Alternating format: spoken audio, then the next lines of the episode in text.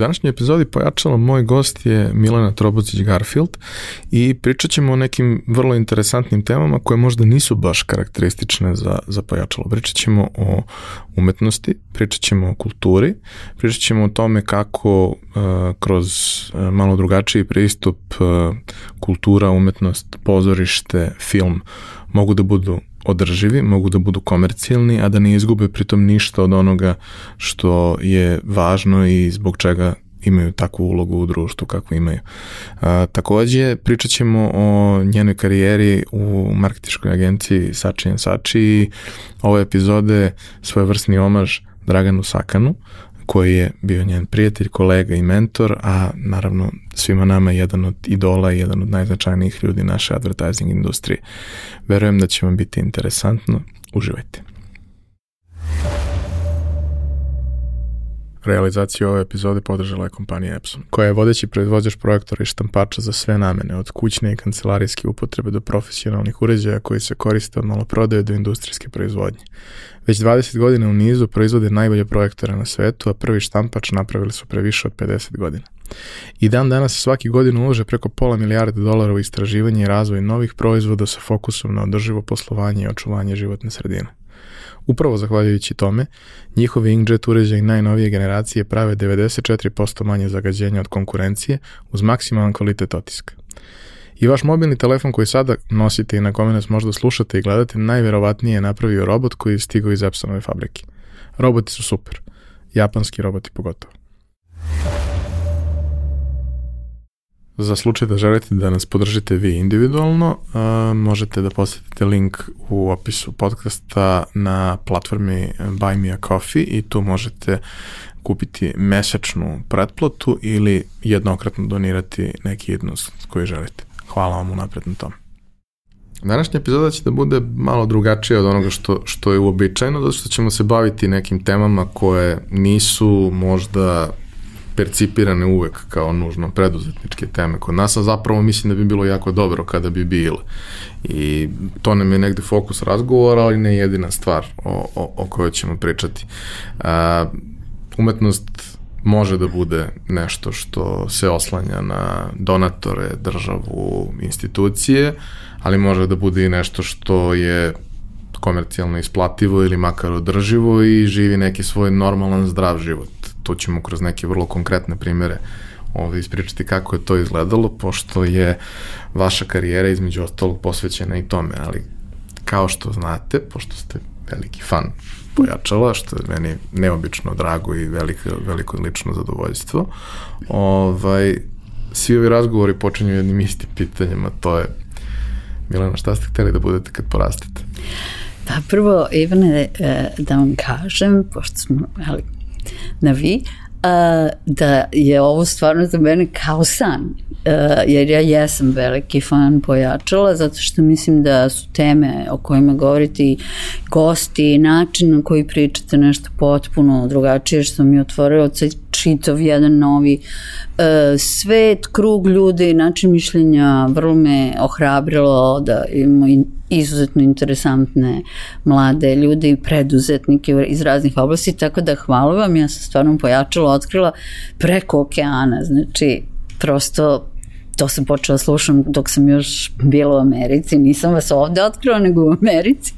I stvarno mi dan počinje ili se završava pojačalom, a nekad mi počinje i završava se pojačalom i slušam neke epizode i po nekoliko puta, jer zaista mnogo stvari, to je na, na neki način za mene ponekad i tutorial, naročito kad je u pitanju jeli, e, digitalna sfera, IT, neke stvari kojima ja nisam osobito stručna, prosto ih pratim kao, kao i svi ostali. Eto, tako da mnogo vam hvala. Mnogo vam hvala što ste mi ispunili san da budem deo pojačala.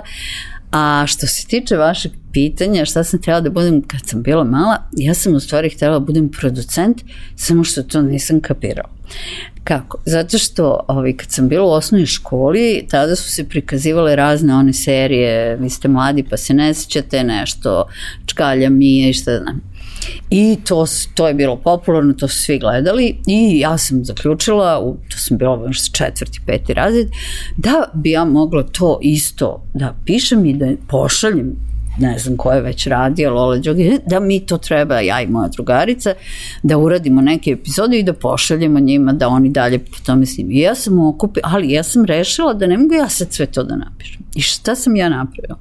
Ja sam skupila, pošto sam bila u dramskoj sekciji, nekoliko tih mojih drugarica koje su znala pišu i stavila sam ih u učionicu i lepo sam svakoj rekla ti piši, ne znam, ovi mi čkalja padaju u seno, ti piši, ne znam, kamion se kvari.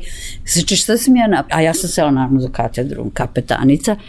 Šta sam ja napravila? Ja sam napravila u stvari writing room. To ni dan danas kod nas ne postoji. Imate dva pisa i to je to. Ja sam napravila writing room i onda naravno moj deda koji je bio zadužen uh, da me vodi na časove engleskog upropastio moju sjajnu karijeru jer je došao i rekao Mimice, tako sam zvali, gde si ti posle škole, imaš čas engleskog? I tako je, jeli, taj moj poduhvat propao. I ja sam tek kasnije, kad sam stvarno postala producent, shvatila, ja sam ja ukapirala da taj posao mora se podeli na mnogo pisaca, jer prosto, eto, to sam htela, to mi je bio san, i htela sam da budem, eto, da pišem to. To mi je bilo u, u detinstvu neki san, pa do nekle se ostvario. U, u periodu studiranja, ono što meni bilo posebno interesantno ovaj, kad sam istraživao je da uh, vi ste završili prvo španski jezik, a posle toga i glumu, ali u, u tom delu, ovaj, kažem, studija uh, filologije i španskog, ono što mi je posebno bilo interesantno je da, da je u tom trenutku postojalo, ja mislim da sada to više ne postoji, uh, da je postojao zapravo uh, smer uh, ili specializacija u okviru studija za prevodioce. Tako je. Danas kada su većina izdanja koja izlaze ovde, a koja su prevedena uh, najčešće vrlo loše i ovaj, neprofesionalno prevedena. Verujem da tako nešto ne postoji i vrlo upitno sa ovakvim tržištem i da postoji, da li bi bilo prostora za, za te ljude, ali kako je bilo studirati španski i šta su bile te neke specifičnosti tog smera? Pa, španski je bio relativno nova katedra kad sam ja počela, relativno nova, i primalo je, mislim da i danas primaju samo tako 20 studenta, tako da je bila ogromna kompeticija da se uđe. Morao da se polože engleski i srpski. A što je vrlo važno kad pominjete preodioce. Ne znam da li je još uvek tako, ali mi smo imali vrlo težak ispit iz srpske gramatike i ove, ovaj, postojali su zaista ta dva smere. Postoje taj kao profesorski, znači smer u kom, iz koga posle možete da predajete i prevodilački. Na prevodilačkom smo mi imali časove, recimo lingvistike, recimo izučavali smo Nama Čomskog, um, semiotiku, izučavali smo m, i takođe praktično smo radili na prevodima sa nadovodećeni su nam najveći prevodioci, ne samo sa španskog, nego recimo sa engleskog, ljudi koji su prodali um, klasična dela, naši profesori su ih dovodili da nam drže predavanja, a nam je držao Radomir Konstantinović, jedan od naših najvećih prevodilaca, pogotovo poezije, tako da smo mi imali časove vežbe, jeli kako prevesti pesmu, koje su to odluke koje morate da donosite kao prevodilac nekad e, zarad lepote rečenice ili zvuka u pesmi žrtvujete značenje. Nekad značenje je važnije od konstrukcije rečenice i to su odluke koje morate da donosite u skladu sa tim kakav je pisac. Znači morate dobro da čujete pisca, morate da imate neku vrstu sluha, a najvažnije morate jako dobro da poznate srpski jezik srpski je važniji za prevodioca nego jezik sa koga se prevodi. Tako da ja recimo m, da, jako dobro govorim engleski, ali ne prevodim na engleski. A, I kad prevodim na engleski ili na španski, ja uvek moram da imam native speakera, native speaker, izvinjam se, znači on nekoga ko, kome je to maternji jezik, ko to mora da, da pročita, ali zato što je uvek važniji taj jezik na koji se prevodi. Ja uvek, e, kada sam imao prilike da pričam sa izdavačima danas, obično ovim manjim, jer ovi mm. veliki su mašinerija, to je svakako da. mnogo drugačije, ali kada pričam sa ovim manjim izdavačima koji izdaju neka i neka domaća izdanja, ali i neka strana izdanja prevedena, uređena i tako dalje. I uvek kažem, uh, dešavalo mi se da se sretnem sa, sa knjigama koje sam čitao u originalu, da probam da ih čitam, da mi to ne leži, nekad bude i da bude stvarno sve ok, ali vrlo često ne bude. I onda pričamo, ja im kažem, znate kako, ovaj, vaš, vaše izdanje, vaš prevod je možda ne meni, zato što imam sve resurse koje imam i generalno kupujem knjige u originalu, ali nekom drugom je to jedini kontakt sa piscem i uh, ukoliko je vaš prevod loš ili nepismen ili nekonzistentan, to je utisak koji ostaje o tom piscu i tom delu osobi koja to čita. Sad ja verujem da većina ljudi, posebno ako je to neka beletristika ili nešto, nema toliko kritički odnos prema tome ko što imam ja. Ali ja vrlo biram šta čitam i jako mi je stalo da to bude na pravi način. Baš sam imao situaciju Ovaj, pričali smo o tome pre, pre snimanja, ali nije loše i ovde možda da, da provučem to kao, kao temu. Imao sam situaciju gde čitam knjigu i sad ja primećujem šablone. Takav sam. Mm -hmm. to, je, to je divno i strašno istovremeno, što opterećuje, ali ja primećujem šablone. I jako primećujem kada se ne koristi ista frazeologija u jednom i u drugom delu teksta jer meni to govori da to nisu prevodile dve iste osobe. Mm -hmm. Mislim, suština je ista, ali finese nisu. Ti onda čitajući knjigu primetiš da se na nekoliko mesta prosto slične teme, slične stvari na drugačiji način prevode. Kao, to niko nije uzeo, uskladio, niko se nije pozabavio time, to je prevodilo više različitih ljudi. Ja u jednom trenutku pitam, ko dobro, ovaj, a zašto se ovo desilo? A kao to je prevodilo četvoro različitih ljudi. Tako dobro, za, prvo zašto je prevodilo četvoro različitih ljudi, a drugo, mislim zašto neko samo nije uzeo i probao da to na kraju, što ja volim, kažem prepegla, ali mislim sredi, uskladi i tako dalje. Nema ko. I onda mi je rečeno, prvo, nema ko, drugo, jednostavno ne postoji finansijsko opravdanje toga, ne postoji komercijalni interes da se to radi na tom nivou i onda to znači da je kvalitet krajnjeg proizvoda vrlo, vrlo upitan jer je tržište prosto takvo kakvo je. Sad u vreme kada, kada ste vi krenuli da prevodite, a prevodili ste neke od veoma značajnih dela, a kasnije i taj deo prevođenja je bio vrlo značajan deo onog najinteresantnijeg dela karijere, ovaj, to je bilo mnogo drugačije. Prvo, izdavačke kuće su bile drugačije, to su bili veliki sistemi, to, to je prosto sve funkcionisalo na jedan, verujem, drugačiji, kvalitetniji, trajniji način, ajde da ja se tako izrazim. Uh, šta je bio prvi posao za, za, za prevođenje i kako je to izgledalo? Pa, m, potpuno slažem se svim ovim što ste rekli, apsolutno to su bili velike kuće, ozbiljne s lektorima, korektorima, ozbiljnim uradnicima koji su čitali tekstove, koji su zvali na kuću da diskutuju o recimo jednom rešenju ili jednoj rečenici, pretpostavljam sa autorima još i više. A ja sam počela na studijama još, negde na trećoj godini, kad smo ovladali malo španskim, da prevodim prvo za student, vidike, onda nam knjižnu reč, književnost, to su bili književni časopisi koji mislim da više i ne postoje pismo.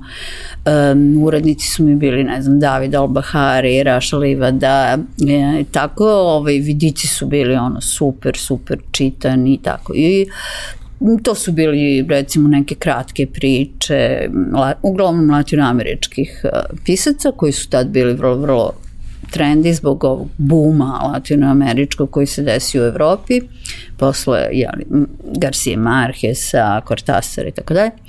I onda u to vreme prosveta je radila tih deset velikih romana i radila je te latinoamerikance, urednik je bio Milan Komnenić I oni su stvarno objavljivali već najkapitalna dela i Vargas Llosu i tako da. I on je, e, eto, to je jedna, to isto pokazuje kako se tada radilo. On je pročitao u književnim novinama ili književnoj reči ili vidicima moj e, prevod i Ksenije Bilbije koja je bila moja koleginica i drugarica i dan danas je, i pročito je naše te prevode. I on je nas pronašao preko našeg asistenta, a, i ovaj, Soldatića koga je poznavao i on je nas pozvao u prosvetu i rekao devike, hoćete vi da prevedete knjigu priča i da napravite izbor Benedetija, to je naravno bio manji zalogaj nego prevoditi roman, jel? mi smo bili ipak još studentkinje na četvrte godini I on je, mi smo napravili izbor priča iz tri zbirke Marije Benedetija koji je najveći urugvajski pisac i dan danas koji je užasno popularan u, u, u Urugvaju. I te priče, taj izbor priča smo mi prevele i knjiga je izašla u izdanju prosvete na sajmu to je za nas bio zaista, zaista veliki događaj kao studentkinje, ali eto, pratilo se šta rade i studenti ko je talentovan, nije svako talentovan za književno prevođenje.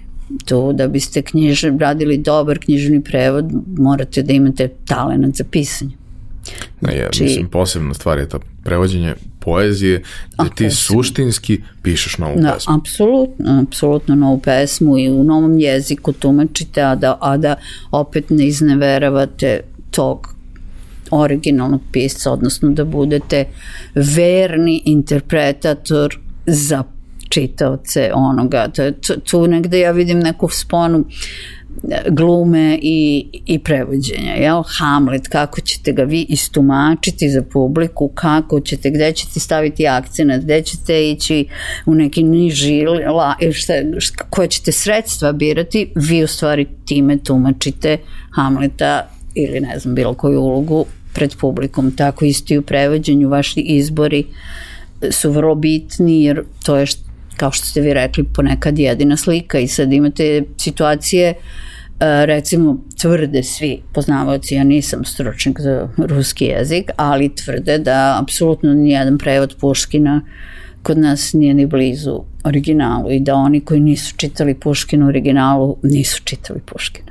Da, ja sam recimo pročitao u, u nekom periodu osnovne škole jer mi je ruski bio zaista jako dobar tada, sad ne, apsolutno ništa. pa to je problem s jezicima. Ovaj... Pitajte mene. Nekad sam govorila pet, sad govorim dva i po.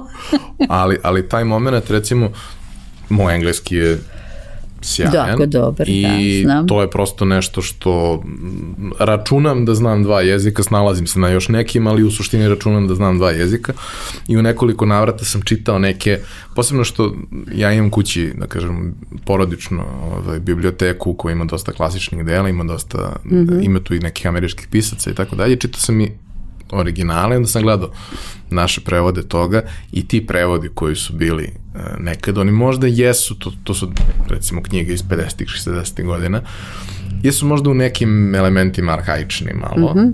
ali su fantastični. Mm -hmm. I apsolutno kada uporediš to, gubi se ili ništa ili vrlo malo, u nekim trenucima čak i dobijaš neke stvari koje možda mm -hmm. u originalu nisu bile tako dobre i ovaj, to, mi je, to mi je bilo fascinantno.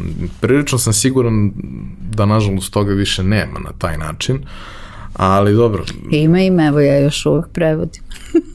E, promenilo, se, promenilo se tržište, mnogo toga se ovaj, a, promenilo. Nekada kako je izgledalo recimo prevođenje nekog zaista značajnog kapitalnog dela nekog ozbiljnog romana Pa, evo, ja sam recimo pre, prevela između ostalog um, Ljubav doba kolere Garcia Markesa za Gornji Milanovac Deči novine, to je bila isto velika izdavačka kuća. Znači, oni su mene zvali zato što ih je napustio prevodilo, nešto, nisu se nešto našli sa prethodnim prevodiocem i bili su malo u cajtnutu, jer su imali potpisan ugovor sa uh, agentom Garcia Marquez, ovom gospođom, kako se zvala, Balset, koja je bila užasno stroga i teška i s kojom se teško pregovaralo i moralo se držati tih deadline i oni su meni dali ogroman honorar. Ja sam tu knjigu prevela što je vrlo kratak rok za šest meseci, ali tako što sam bukvalno se nisam dizala od kompjutera. Srećam da je postojao taj kompjuter, pa nisam morala da, da lupam u mašinu, što bi bilo strašno. A, posle toga je to išlo kod lektora, pa je ona to čitala, pa je onda ona ispravljala, pa je vraćala meni da vidim nek, njene ispravke, urednik je čitao, pa tek onda je išlo jeli, na korekturu, pa onda u, u štampu. Znači, to je bio jedan proces kad je se završi prevod, još četiri meseca rada na, na tekstu. Na, na, a, a moj prevod je imao barem tri verzije. Znači, ne možete prvu verziju da pošaljete, to je prosto prva verzija je ono draft za vas. Druga verzija, prvu verziju još uvijek upoređujete s originalom tako sam, bar ja učena, ili i tako sam radila. Drugu verziju pokušate da samo čitate srpsku verziju, da, da, da, da se očistite od svih španske konstrukcije ili engleske koje vam se neminovno provlače i onda treću verziju posle lektora ponovo proveravate sa originalom ako je ono nešto menjala da vidite da li je to dovoljno ostalo uh, blisko originalu, tako da ja da bi prevela knjigu čitate je barem četiri puta. A i to je proces koji traje godinu dana. To je proces, da. Da, da, i onda to je tako bilo, znate, ali mislim, evo ja sam sad slušala jednu vrlo zanimljivu emisiju u Americi koju se raspravljalo, ako pričamo o prevođenju, o, sad je izašao novi prevod Ane Karenjine i onda su vrlo ozbiljni stručnjaci raspravljali, to je četvrti prevod u Americi od, ne znam, početka, od sredine od prošlog veka, četvrti i onda su svi raspravljali o tome u čemu se razlikuje, šta je prednost ovog prevoda, šta je ovde izgubljeno, šta je ovde dobijeno. Prevodi moraju da se rade malo i uh, da se osavremenjavaju, mislim, evo ja sam sad je izašao reprint tog, te knjige Benedetijeve priče iz Montevidea i, i Ksenija Bilbi ja smo prošli kroz sve priče i uradile praktično ne novi prevod, ali smo malo to uglandile, ali ipak tad smo bile početnice, sad imamo mnogo više iskustva, neke stvari smo popravile, nismo se plašile više svojih profesora da sve mora baš da bude ono, by the book, malo smo više slobode dali sebi ali e, evo recimo skoro mi je neko rekao da je Flavio Regonat preveo ponovo Selingera, Lovac u raži, da je fantastičan i da oni stari više ni praktično mogu da se čita jer su više arhaičan jezik, a ovo što ste vi rekli, recimo ja kad čitam stare prevode Čehova ili da meni baš prija taj arhaični ton tih starih prevodilaca, tako da zavisi od prevoda do prevoda. Zavisi od prevoda do prevoda i zavisi naravno i od publike. Ako da. želimo da približimo nešto novoj generaciji, moramo na neki način da im se dodvorimo, Tako. ne previše, da, jer onda ali, malo gubi poentu je. sve, ali očigledno moramo neki da. ustupak. Čak i žargon se menja, mislim, vi danas kad čitate, ne znam, Dragoslav Andrić, ako je bio jedan od naših najvećih i najduhovitijih prevodilaca, taj, on je često radio te malo cake, žargone, takve stvari, Ogdana Neša, uh mhm. -huh. to više... Mm, zastarelo je, mislim ne kaže se više treba ili ne znam šta, nego se sve mora da se popravlja. Jedini prevod koji je za mene recimo bolji od originala, dobro to se zna da je Sirano de Bergerac na srpskom bolji nego original, to, to je apsolutno među prevodiocima poznata stvar.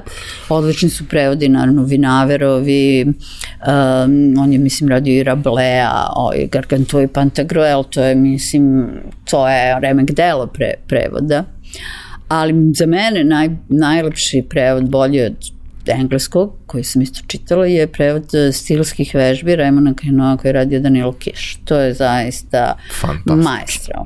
Majstra. Pritom ta, ta knjiga je nešto što yeah. ima vrlo značajnu ulogu u životima svih nas koji smo se bavili i bavimo se i dalje nekom vrstom komercijalnog pisanja i uopšte ulaženja u toga da, da. pisanje da. može da bude ne nužno profesija, ali da. smer interesovanja u kome, kome možeš da se ostvariš je tu prvi put zapravo se sretneš sa tim na koliko različitih načina tako, može da se kaže ista tako. stvar. Svi smo mi to prošli kroz da. školu da. i sto puta su nas vraćali ka na koji način možeš, ali ovde vidiš vrlo praktično tako. to i vidiš koja je širina svega toga. Ta knjižica koja je mala knjižica i uvek yes. onako, da znam, ja imam često taj moment da nekim mladim ljudima koje volim, cenim, poštojem, čiju budućnost verujem, poklanjem knjige. Mm -hmm. I obično to nisu neke preterano obimne knjige. Mm -hmm, Jer znam da mladi neće pročitati yes. knjigu koja je obimna. Nemaju oni taj više span. Ovaj, Attention ako span im je baš ne povuče, ali vrlo da. teško, u najboljem slučaju to može bude neka zbirka priča. Yes. Ali ove stvari ovaj, su nešto na što svi, svi reaguju jako dobro, jer vide, ha, to nije previše obimno, ok, hajde da probam. I onda posle druge, treće stvari koje pročitaju shvate koliko je zapravo to genijalno i otvore se neki novi videici. Ali imali smo sreću zaista da je to preveo Danilo Kiš. On je stvarno, mislim, pisac. Veliki i veliki duh i sreće da je on preveo na naš jezik. E sad, osim prevođenja, odnosno nakon studija španskog da. i te karijere koja traje i dalje naravno, uh, postoji ta jedan deo karijere koji je uh, da ste vi završili glumu i jesam, da ste bili, jesam. da kažem, i, i aktivni u tom svetu sa strane ispred kamere, ali i sa mnogo više posle sa iza. Mm -hmm. Otkud gluma? to su se pitali moji roditelji kad sam diplomirala španski. Ja sam bila jako dobar student, imala sam stipendiju da odem u Portugal na godinu dana, već sam bila mm, par meseci i oni su mi Portugalci ponudili, pošto kod nas nema katedre za portugalski, nego ljudi sa hispanistike dobijaju tu stipendiju portugalske vlade ja sam imala pa stan, iznajmljen sve, stipendiju da idem godinu dana, posao, neka naša firma, Brodo Impex, odmah da radim za njih i tako. I ja kao, pa dobro, ali eto, leto, nemam šta da radim, a nekad kad sam bila u gimnaziji sam kao glumila u Dadovu nešto. Ali nisam, posle gimnazije nisam otišla na akademiju. I ne znam šta je tu meni bilo. I kao, pa mogla bi da probam na glumi. Kao nisam nikad probala, kao leto, pa čekam da idem na tu stipendiju, diplomirala sam španski. I kao, ajde da se spremim, ali meni toliko to nije bilo bitno, ja sam već te ne bila spakovana da idem u Lisabon i obožavam Portugal i dan danas i mnogo volim Lisabon i bila sam mnogo srećena zbog te stipendije od godinu dan.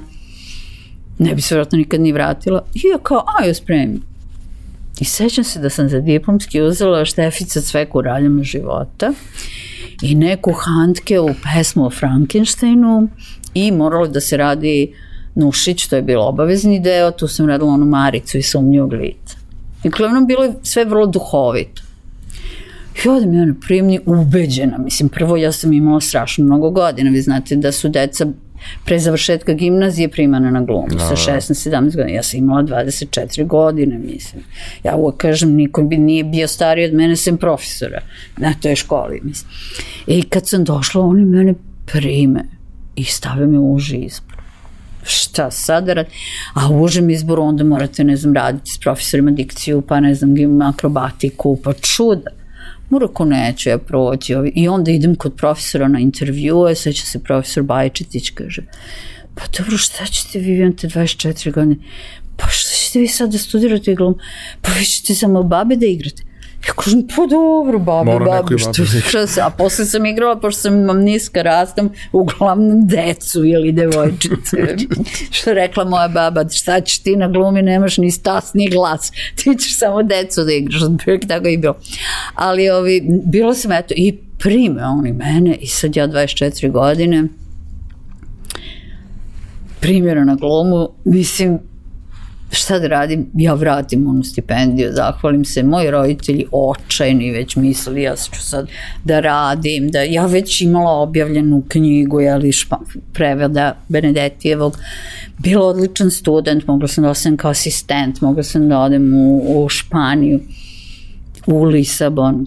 Ne, ja ću sad da studiram. I ja krenem da studiram i to ono na glumi Znate kako se studira od 8 ujutru do, do, do 8 uveče ste na, na časovima, onda posle spremate vežbe ili te gledate predstave i tako sam ja, eto, završila glumu. Peđa Bijelac i Snežana Bogdanović su mi bili u klasi Nenad Nenadović i svi mlađi od mene, on, ali ja sam tako bila sitna pa sam se provlačila, bila sam mali mršava i eto, i onda sam ovaj, posle glumila i to kod vrlo dobrih reditelja, Mijača, Mađelija, Jugoslovenskom dramskom, Beogradskom dramskom, uh, KPGT-u kod Ljubiša Ristića koji je tad bi imao nešto ono Godov Fest u Knez Mihajlovoj. Znači radila sam čak sa vrlo dobrim rediteljima, mislim, Perom Zecom i tako. Ali ovaj, pošto sam imala to dualno i ta, to, to pisanje, prevođenje, prevodila sam neke komade sa španskog tada, onda su počeli tako da me pitaju, recimo Mađeli vole ako radim s njim da uvek budem neka vrsta kao njegovog, ne baš asistenta, ali više to dramator, pa prepravi mi ovo, izbaci mi ovu scenu, sredi mi ovo, napiši program i tako. I onda me to nekako odvelo malo više ka tom mm, delu dramaturškom, marketinškom, a umeđu vremenu sam ja išla na neke kurseve E, još dok sam studirala španski, pošto nisam znala tačno čime ću se baviti, nisam tela da ostavim na fakultetu u Beogradu, to mi je bilo besmisleno, suviše dosadno, mala katedra, nisam tu videla. I onda su završavali neki stranci, su dolazili i, govor, i držali kurse u Sava centru o PR-u i marketingu i to ono za vikend. Ja sam tu išla nešto slušala, onda posle neke knjige čitala i tako sam videla da u pozorištu se marketing u stvari ne radi kao marketing, nego ono kao podelite karte deci, školama, vojsi, dođe, ne znam, Beogradska hronika snimi jedan ono statični prilog sa glumcima i kao ja mi se činilo da je to jako prevaziđeno i dosadno i onda ja sam malo počela da se time bavim kako treba da izgleda program, kako treba da izgleda plakat, da to treba da bude malo komunikativnije, malo manje arhaično. I onda iz toga sam počela, u stvari shvatila da je najvažniji teo marketinga u pozorištu, u kulturi, ako hoćete, prvo ono šta radite. Pa tek onda, znači to izbor onoga što radite je u stvari početak marketinga. Znači to mora bude uh, morate imati osjećaj za trendove, morate da slušate, morate da gledate šta je oko vas, morate da vidjeti šta fali, morate da predosjećate šta je senzibilitet publike, da vodite publiku, a ne da se povodite za publikom. Znači, ne samo oni što bi publika volela, nego da predvidite šta bi publika volela. Znači, ono kao što je rekao Steve Jobs ili ne znam Ford, da sam pitao, a, ne znam kako. Da sam pitao ljude šta žele, rekli bi mi brže konje. E to, e, znači morate da imate osjećaj i u kulturi i to je ono što sam ja shvatila da, ja shvatila što je sada već opšte mesto, da vi morate imati taj uh, preduzetnički duh i u kulturi. Znači, kao što genijalni uh, Steve Jobs ili Ford, on je rekao, pa mislim, sam pitao ljude, niko ne bi rekao treba nam iPhone, pošto ga nikad nisu ni videli, mislim. Znači, da predvidite potrebe i da stvarate potrebe publike i da time i vodite publiku sa sobom i da na neki način e, stavljate to što hoćete da im prikažete u neki kontekst. Jer danas kultura, umetnost je pitanje konteksta. Znači, u, gde, znate da je bio intervju veliki skoro sa jednim modernim umetnikom koji je izložio jabuku u Muzeju moderne umetnosti. Znači, imate postolje, imate jabuku. I to je, ono je zagriženo. I sad pita ga neko, kako se zove umetnik, pa dobro, a šta se dešava, mislim, zašto je to, zašto je ta jabuka umetničko delo? On kaže, zato što je u kontekstu muzeja, u kontekstu umetničko, ona postaje kad je izložena umet, nešto mi govori.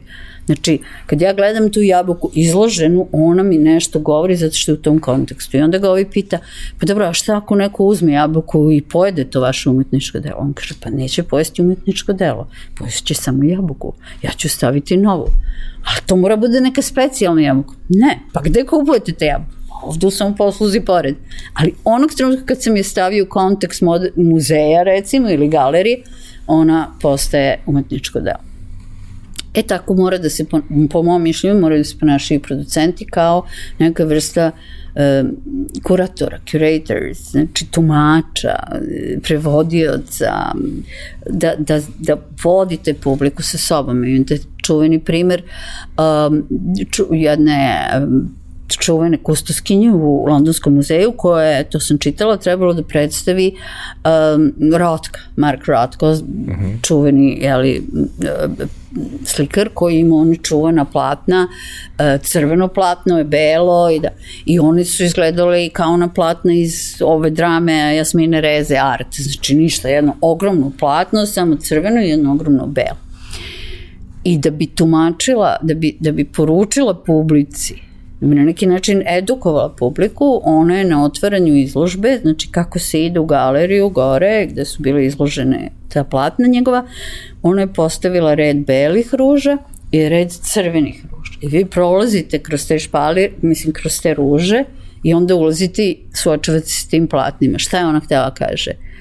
E, lepoti ne treba značenje, samo e, doživljaj Znači, kao što doživljate cveće, da su lepe ruže i ne pitate se šta to znači, nego uživate u tom prizoru, tako morate doživjeti i ove slike. Znači, ona je bez reči napravila kontekst za tada.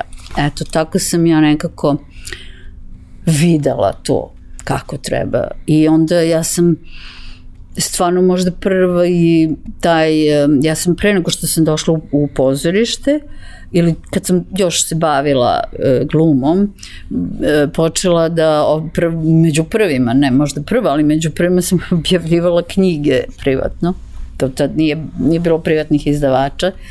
Pa smo mi, ja sam s grupom prijatelja, Branko Anđić i još neki ljudi, mi smo kupili prava za neke popularne knjige, popularnu psihologija ne znam, pogrešne žene, ove pametne žene, pogrešni izbori, to je bio ogroman hit. Toliko je bilo ta knjiga popularna naša, to je bila još uvek velika Jugoslavija, da su, sećam se, mene zvali na, na one neke radio programe noćne, da pričam i onda kao javljaju se slušalci da me pitaju za savjeti. Ja kažem, pa izvinite, ja nisam psiholog, mislim kako da nađu dečka, kako da ono srede svoje odnose. Ja kažem, ja sam samo prevodilac i izdavač, ne mogu ja da vas savjetujem. Mislim, toliko je to bilo popularna knjiga. Su ljudi javljali u program da traže savjet kako da se udaju ili razvedu ili da izaberu nekog novog partnera. Uh, I mi smo tako objavili 3-4 knjige, ali to je za nas bilo jako teško zato što je trebalo da se boriti sa knjižarima, sa distributerima, maržama. Onda nije bilo kompjutera, mi smo ono dobijali naručbenice iz cele Jugoslavije, pa onda pišete, pa šaljete, pa jako komplikovano bilo. Ali eto, tu sam već pokušala nešto da uradim privatno, ali jako sam prevodila za velike izdavače.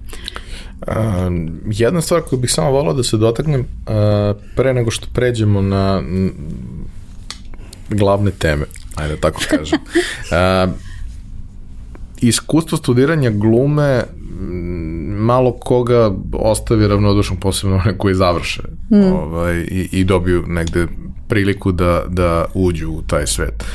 Šta je najveća vrednost koju pamtite iz tog perioda da ste dobili u, u, u tom procesu učenja i upoznavanja sa glumom? Pa, uh, kad studirate glumu, to je kao neki laboratorijski proces rada na sebi, znate, imate na prvoj godini, ne znam, sve u svoje ime, pa onda na drugoj godini likove, pa na trećoj godini e, žanrove i tako.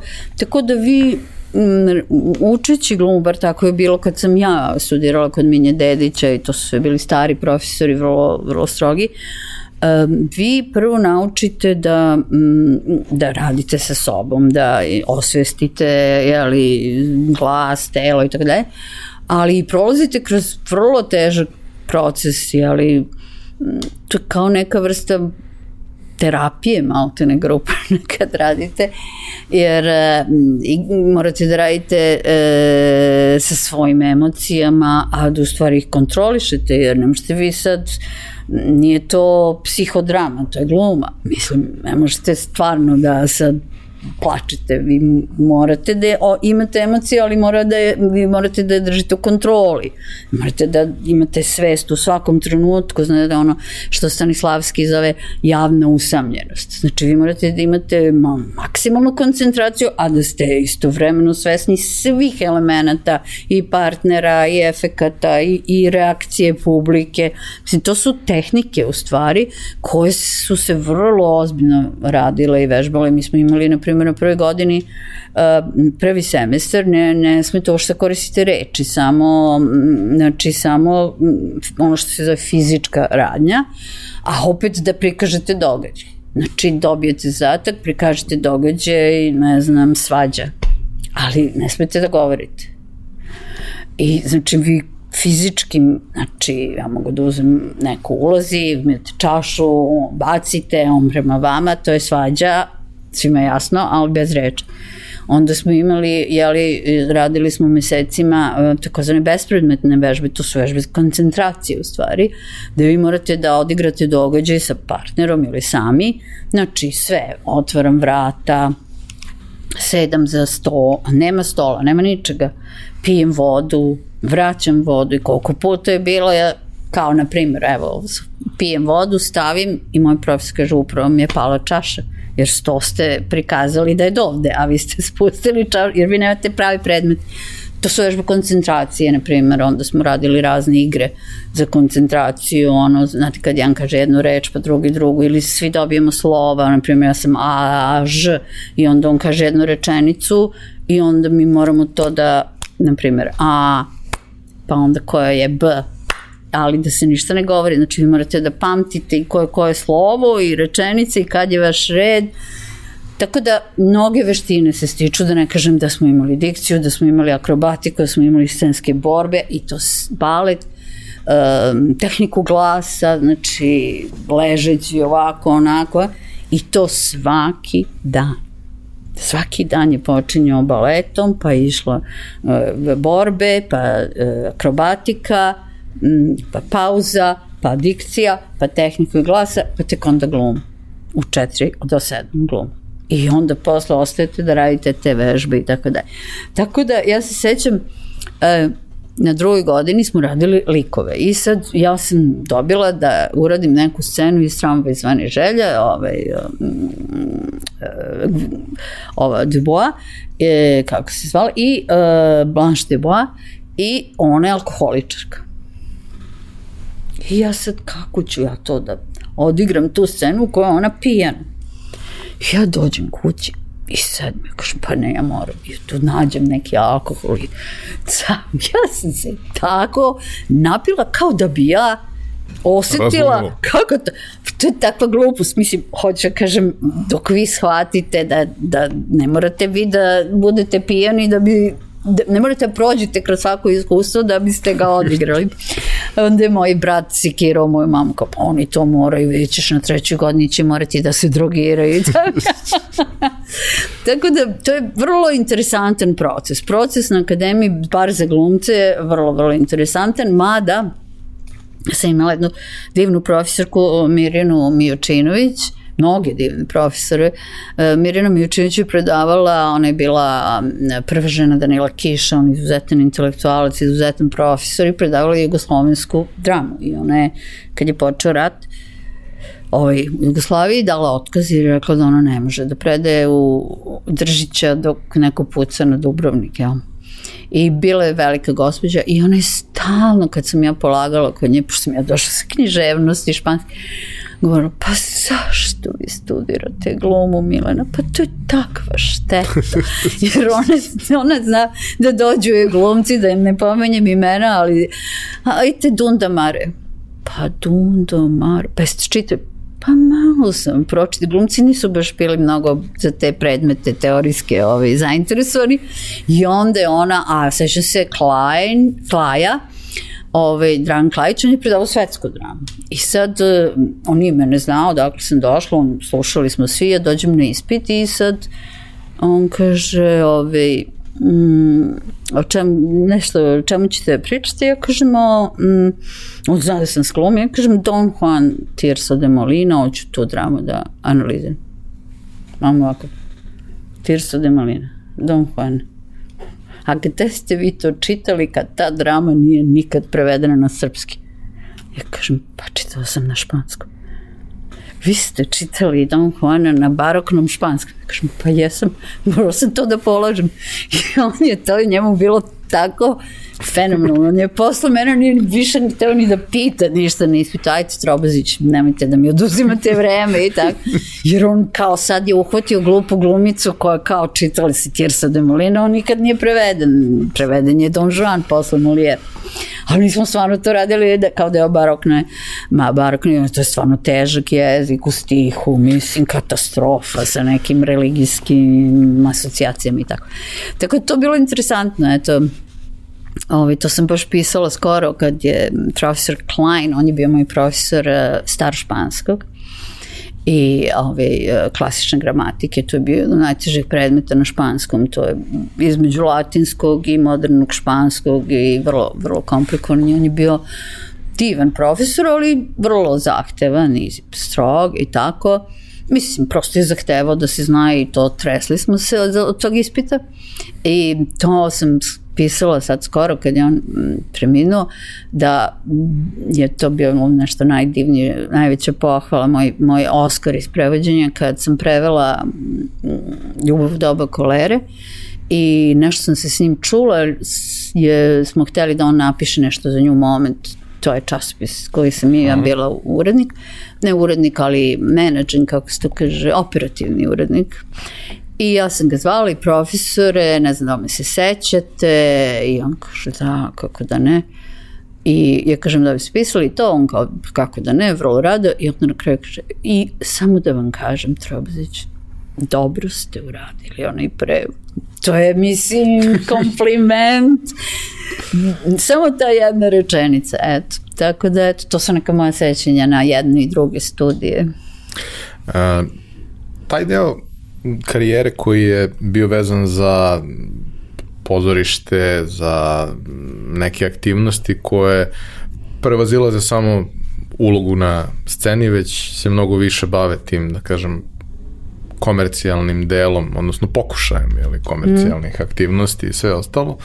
Uh, kod nas vrlo često institucije tog tipa, pozorišta, muzeji, kulturne institucije, vrlo redko i vrlo pasivno uopšte komuniciraju sa javnošću. Mm -hmm. Da ne pričamo o tome, o širem kontekstu svega i da zaista treba negde oblikovati sadržaj prema potrebama, željama, na neki način diktirati trendove i sve ostalo, hajde kao makar da se aktiviramo toliko da aktivno komuniciramo sa mm -hmm. ljudima. Ako se komunicira nešto, komunicira se eventualno da je neka premijera, komunicira se eventualno da je možda jubilej neke predstave, ali to vrlo često ovaj, uz, uz neku minimalnu pažnju javnosti. I čini se da jednostavno i mediji i javnost nikad nisu dovoljno posvećivali pažnju tome, a niko neće po defaultu da posvećuje pažnju nečemu ako ti nisi proaktivan ili ne pokazuješ zašto bi to trebalo da bude slučaj. E, kako ste vi uspevali da, da, da napravite, da pobudite interesovanje kod njih? Pa, uh, kad sam, uh, ovako, uh, ja mislim da treba i biti hrabar, da treba verovati svojim instinktima i da treba rizikovati. Znači, morate da imate jeli, osjećaj za ideju. Znači, najvažnije to pitanje šta ćete raditi i zašto. Zašto bi to neko gledao, zašto bi to neko podržao, zašto bi to neko dao pare. Znači šta i zašto. I sad, kad sam recimo radila za Palime, to je vrlo, vrlo bila popularna predstava za koju mi dan danas pitaju. To je bilo vreme ono početka raspada Jugoslavije. Te su se igrali razni komadi, ozbiljni, teški, sa već na nekom ratnom tematikom, recimo Sedmorica protiv tebe, Antika i tako dalje, ili sa nacionalnom tematikom već. To je bilo onako malo kao boje na kosu ili ne znam šta. I ja uh, sam shvatila da bi najsubverzivnije bilo u toj eri buđenja mračnih nekih ideja kad je počinjao rat u Sloveniji i tako dalje, da se uradi uh, nešto što bi pokazalo da smo mi povezani sa svetom. I da smo svet, da nismo neko samo strašno pleme balkansko. I tada je u Londonu bio hit predstava Burn Lamforda Wilsona koji je tada bio relativno srednjih godina savremeni američki pisac, danas se smatra savremenom klasikom, igrao je John Malkovich glavnu ulogu. Ja sam to dobila neki time out iz Londona i ja sam to videla i ja sam rekla ovo i pročitala sam o čemu se radi i tako Ko je zanimljivo, ja bi ovo volila da postavim to, da se dešava na Manhattanu, da je moderna drama, da pokažem da mi imamo urbane ljude koji ne razmišljaju samo o precima i ne znam šta. Plus sam htela neke glumce da stavim u neki moderni kontekst, recimo Snežana Bogdanović igra uglavnom klasičan, ja sam htela da je sad dostavim u neki komad koji je potpuno za mlađu publiku i tako dalje. I treća stvar, taj komad je u stvari imao e, temu i, i gej, jer jedan od likova je gej. To je bilo jako onako nova stvar, da kažem, u našem teatru. I ja sam nabavila taj komad, ja sam ga prevela, ja sam došla i rekla ja bih ovo htela da radim, pošto sam tad već bila kao neka vrsta pridruženog e, umetničkog direktora Borke Pavićević, koja je bila umetnički direktor, oni su mi rekli, ona i upravnik, uh, Jer mi smo tad već radili, ona je radila remake Mačke, remake Virginia Woolf, Mačke na Usinom kovu, Staklene menažere, to su sve bili moderni američki pisi. Ja sam rekla, e pa u skladu s tim, ajmo sad da uradimo kao nastavak ovog savremenog američkog pisa, kao produžetak šta se sad dešava. Oni su rekli da, da, da, ali repertor je već napravljen, budžet je već podeljen, nema para. Ok.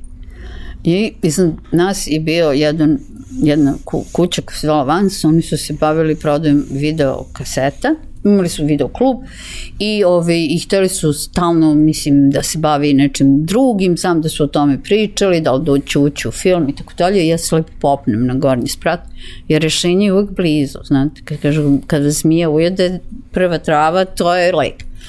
Ispod kamena.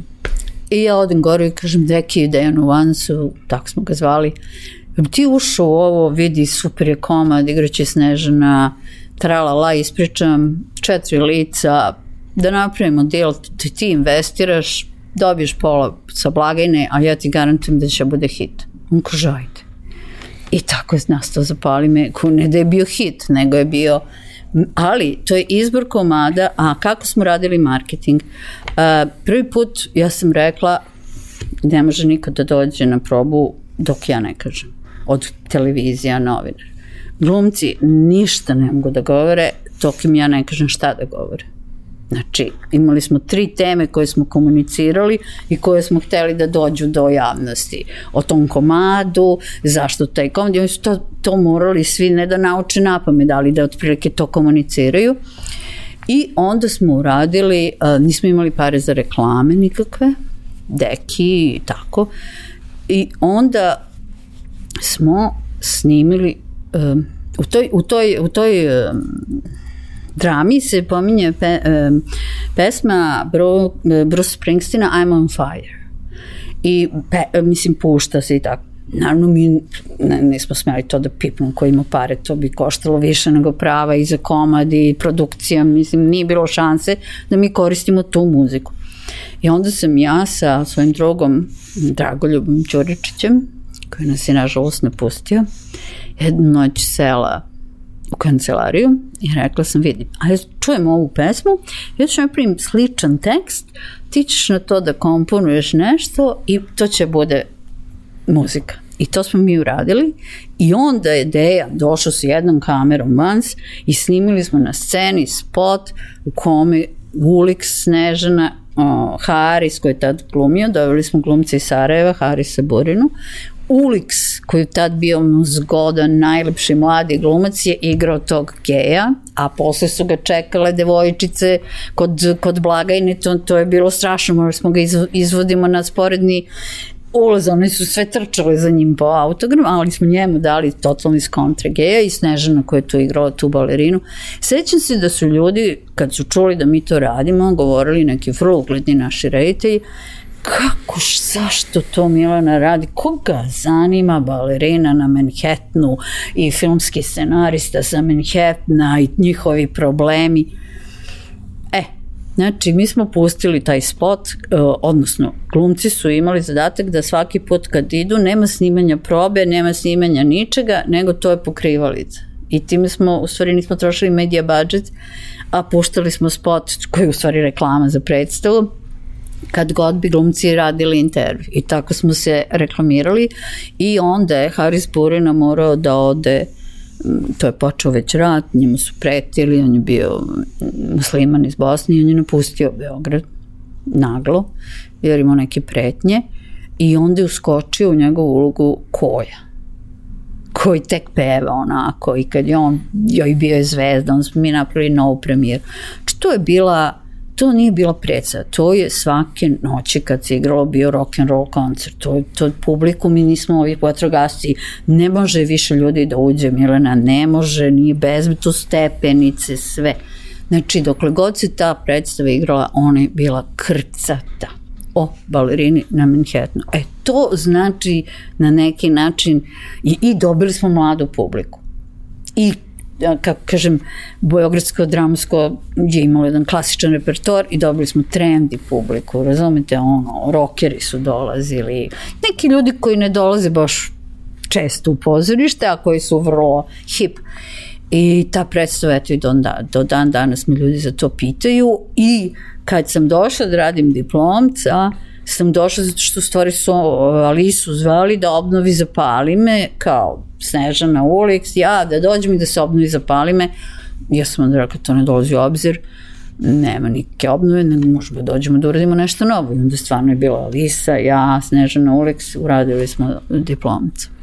Uh, posebno, da kažem, interesantna stvar, uh, ko se seća toga, naša publika generalno su uglavnom ljudi tu negde moje godine, 35, da, da, 45, ne, ali nemamo premladu publiku, nemamo ove klince od 19 baš toliko.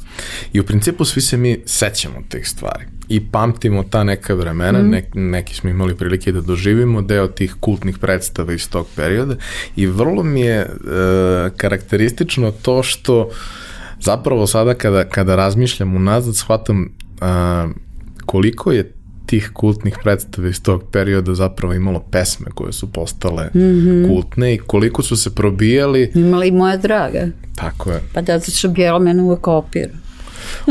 ovaj, i, Žalim se. I to i, i, i još nekoliko, da kažemo, sigurno, sigurno desetak i da. takvih stvari bilo i te stvari su ostale, predstave više nema, da. ali te stvari su ostale i o tome se priča i imali smo nakon toga i, kažemo, takve situacije i sa nekim filmovima i sa nekim yes. serijama iza kojih su ostajale pesme koje su suštinski uh, vanvremenske. Ali Nacionalna taj, klasa, ono, Floyd pa dobro, i to. Da, dobro, da. ali to, to su baš da, to su baš kultne stvari. Da.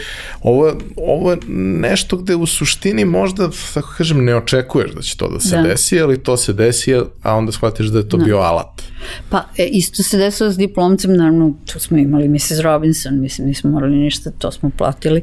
Ove, ovaj, Simon Garfunkel, njihova muzika, tako da to je isto bilo u spotu, to je isto bilo u predstavi, to je isto ta muzika je bila veliki deo uh, marketinga i komunikacije, koji su svi prepoznavali. Ali taj moment postavke svega na nekim zdravim komercijalnim osnovama u kojem se ne ide kod sponzora, ne ide kod donatora, nego se ide kod partnera i investitora, mm -hmm. koji ima ok, snosi određeni rizik naravno, ali mm. ima potencijalno i vrlo dobar komercijalni interes Tako, i svega ja sam toga. posle radila još jednu predstavu koja se zove Iza kulisa, isto sa Vansom, to predstava se igrala je, mislim, 20 godina, dok je nisu, mislim, pop, pop, popadali glumci, mislim, su više mogli fizički da izvode to, znači, to je, to je super uspešna predstava. Ako se dobro sećam, nisu više mogli da padaju ni stepenice. Jeste, Bule pada u jednom trenutku Bule Gonci se publika onako misli da je mrtav jer on je fantastičan, on je fantastičan u fizičkim stvarima i uopšte vrlo vešt glumac. Sad sam ga gledala u, neki to vole vruće, 30 godina on to igra. I još uvek igra fantastično na tim štiklama i svaki put mislim da će da padne u orkestar kad krene da se ljulja na štiklama. On je fenomenal. E pa on pada niz neke stepenice u kulisama je padao i onda ne znam, nije više to mogo ili hteo i jednostavno posle 15-20 godina, pre, ali to je bila apsolutni hit 20 godina u ateljevu. Ja, ali sećam se uh, kad ali smo pričali... Ali to je taj, izvini što te prekidam, to, što vas prekidam, to je taj o čemu se sad priča u Evropi i svuda taj um, public-private uh, partnership. partnership. To je budućnost kulture, ja mislim. Uh, taj moment jedan vezan za, za tu konkretnu predstavu, gde u suštini deo predstave se dešava na sceni, a onda drugi deo predstave se dešava tako što se stvari okrenu yes. i gleda se sve to iza, iza kulisa. Mm. Ovaj, tu, tu je bio taj jedan moment gde opet ta neka preduzimljivost i snalažljivost napravi razliku, jer uh, vrlo često imao sam prilike da radim i sa narodnim pozorištima i sa još nekim pozorištima i scenama ovaj, neke događaje. Znam koliko je teško, bez obzira što smo mi, mi smo komercijalno tu ušli, kao zakupili nešto ja. i to sve sad kao ili dobiješ deo Stefa ili platiš deo Stefa, kako god da je aranžman ti ljudi nisu baš najčešće preterano motivisani da nešto hmm. mnogo rade, ne daj Bože da izađu iz okvira onoga na što su navikli. Ne. ne. Nažalost. A vi ih onda dovodite u situaciju da treba da, da izlaze baš dosta iz okvira onoga na što su navikli i što bi voleli. Kako se to postiže i kako se rešavaju problemi kad neko kaže nešto ne može? Pa meni su mnogo puta rekli da nešto ne može. Uh, svaki put, evo to prvo se zapalimo, onda sa diplomcem kad smo rekli mi ćemo pre, igrati svako veče u sred leta Moji su rekli, ma to ne može kod nas, nik publika ne ide svako veče gleda istu predstavu. Kažem, zašto ne bi išla? Kad svuda u svetu ide, jel, novi repertorska pozorišta su vrlo redka. E, znači, u Americi vi imate predstavu, igra se tri meseca, svako veče skida se, ide nova predstava i tako dalje. I e, kad nešto ne može, uvek postoji način da, da se nađe. Evo, recimo, za kulisu, za kulise je trebalo napraviti tu konstrukciju čeličnu koja može da se okrene, a na kojoj u stvari stoji dekor, pa je scena i iza scene. Naravno, majstori su rekli, to ne može, to, je, to treba da bude čelično, to treba da jer glumci igraju na tom i tako. I to je bilo vreme ono sankcije, niko ništa nije radio, ja nađem neku vezu i odem u Gošu i oni ništa nisu radili, ja tražim nekog tamo direktora preko koga sam našla neku vezu i kažem, objasnim, evo, to je mi crtež, scenografa, li to može? Može. Što ne bi moglo ni ljudi pravili vagone? Može. I oni, kaže, njima to bilo fan, razumete? Oni su se toliko s tim igrali i radnici. Ne, oni su toliko to volili da su oni došli ce, sa kamionom, dovezli to ispred ateljeja, montirali, učili su ceo dan dekoratere kako da montiraju, kako da razmontiraju, kako da okrenu brzo toliko su, je njima bilo stalo, naravno mi smo ih pozvali na premijeru, oni su bili presrećni, to je, to pokazuje kad imate neki pravi pristup, kad ne tretirate ni sponzora kao, e, samo daj mi pare, nego, haj budi ti sa mnom u ovome, ajde, jel možemo ovo zajedno, onda se i taj sponzor oseti kao deo nečega, pa se ponosi time što su nam nešto dali ili pomogli i tako dalje. Znači, sponsor je, jeste on biznis partner, ali po meni, ja sam uvijek radila sa sponsorima, imala sam fenomenal, recimo za Damu s kamelijama koju sam isto radila u Beogradskom dramskom sa Vansom. Snežana je igrala Margaret Gautier, a Ulix je igrao, igrao Armana. Bilo je već siromašno vreme, nije bilo para za materijale. Ja sam našla u Ivanjici je bila neka fabrika, fenom, ne znam kako se zvala, čuvena fabrika za tkanine. I ja sam otišla u Ivanjicu, kuc, kuc, došao tamo neki šef, direktor, kaže, vidite, mi radimo damu s kamerom, evo pogledajte ove skice, kako to treba da izgleda. Pa to će da bude tako romantično, ali mi nemamo čega to da sašimo. On je mene odveo u skladište i rekao, uzmi koliko hoćeš i šta hoćeš. Jer, jer morate da prenesete tu strast. Najgore je da dođete kod nekog i da kažete ja, dajte nam, ne možemo, a da ne, vi morate neku viziju da mu date. Niko neće da vam da pare, da vam bude sponsor da biste platili struju, baš ga briga. Hoće da za nešto što ga uzvodi, što hoće da bude deo nečega. Ne... Kad vidi, vrlo često je to taj moment da kad ljudi vide koliko je vama do nečega stalo, to baš i ne može da se ignoriše. Da, Neće i, svako da, da odreaguje na da. to. Ali ima ljudi koji će reći I onda išli smo u fabriku neku tamo u, u Vojvodini, ja sam zaboravila sada kako se zvala, isto je bilo državno, oni su nam sašili sve korsete za damu s kamelijama, oni rade veš. Uh, mislim, ali eto, prosto morate onda i da im pokažete i pažnju i da im kažete da, da ste vi dobar meč i da, i da će oni tu biti vidljivi i da eto, mislim da je to isto vrlo važno kad se radi sa sponsorima. S druge strane, ako imate čisti sponsorski odnos, takođe mislim da naša institucija i pozorište greše e, da, jer su ponekad previše snishodljivi prema sponsorima.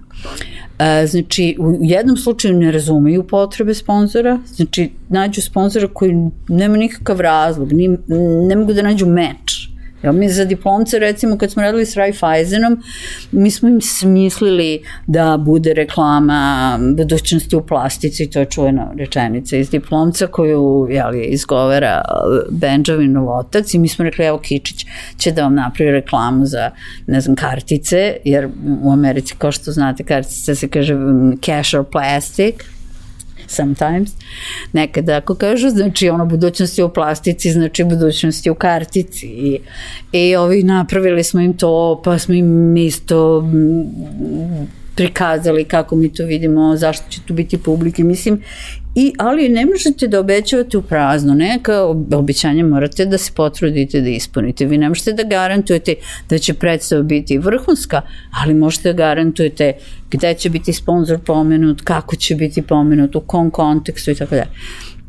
I da taj kontekst naravno za njih da. ima smisla. A, a druga stvar, što, kažem vam, što rade naše kulturne institucije, što one su nekad snishodljivi i nekad ne shvataju vrednost svoju sobstvenu i onda kažu, ne znam, dobijete za neke sitne pare, e, generalno sponzorstvo daju nekome celu sezonu, a uzeli su, ne znam, 10.000 evra to je smešno, mislim, ja to ne bi dala ako ste neka velika institucija. Vi morate da znate kako da upravljate svojim vrednostima i kako da ih koristite. To je ono što, što naše institucije ne shvataju. Naše institucije ne shvataju svoju vrednost, često.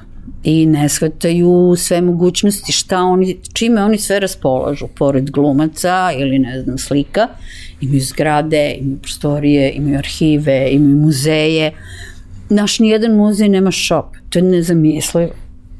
Ili imaju neki bedni, gde obično nema ničega. Ja sam sad vodila uh, čerku i moju prijateljicu iz Amerike u, u muzej narodni da kupe ove maske, one su htjela da kupe po 10, 20 ovih maski sa motivima, nema. Pa kako nemate? Pa je to prodalo se. Pa što niste ponovo napravili? Pa nisam. Nije ničiji posao. I to, a mislim, vi znate da su u svetu, mislim, šopovi u, ne znam, Momi, u Metropolitenu, u National Gallery, u Washingtonu, to su ogromne prostorije, tu ima svega, ima umetničkih predmeta, ima kataloga, ima monografija, ima postera, ima, nema šta nema, nakit. Mislim, ja kupujem poklone drugaricama uglavnom u muzejima ili maramo sa, ne znam, Kleom, ili maramo sa Klimtom, ili, ili Minđuše koji imaju nek... Mislim, zašto mi nemamo to? Zato što imamo državu, tatu, koji daje pare i ne traži se da deca zarade makar za džeparac. Razumete, oni A ne osjećaju, se kreće. Oni ne osjećaju potrebu da moraju išta da zarađuju, jer oni su svi na budžetu. E sad, u Americi ili Engleskoj, to znam, taj anglosaksonski model, Ima, ima institucija koje su na budžetu, ali vi morate da imate određeni prihod, procenat koji zarađuje. Da li od karata, da li od edukacijskih programa. Ne postoji ni jedna institucija na zapadu, pozorište, muzej, e, filharmonija, da nema edukativni program. Znači, to su posebno njihovi ljudi koji drže časove. Da li maloj deci, da li tinejdžerima, da li glume, režije, kostima, crtanja.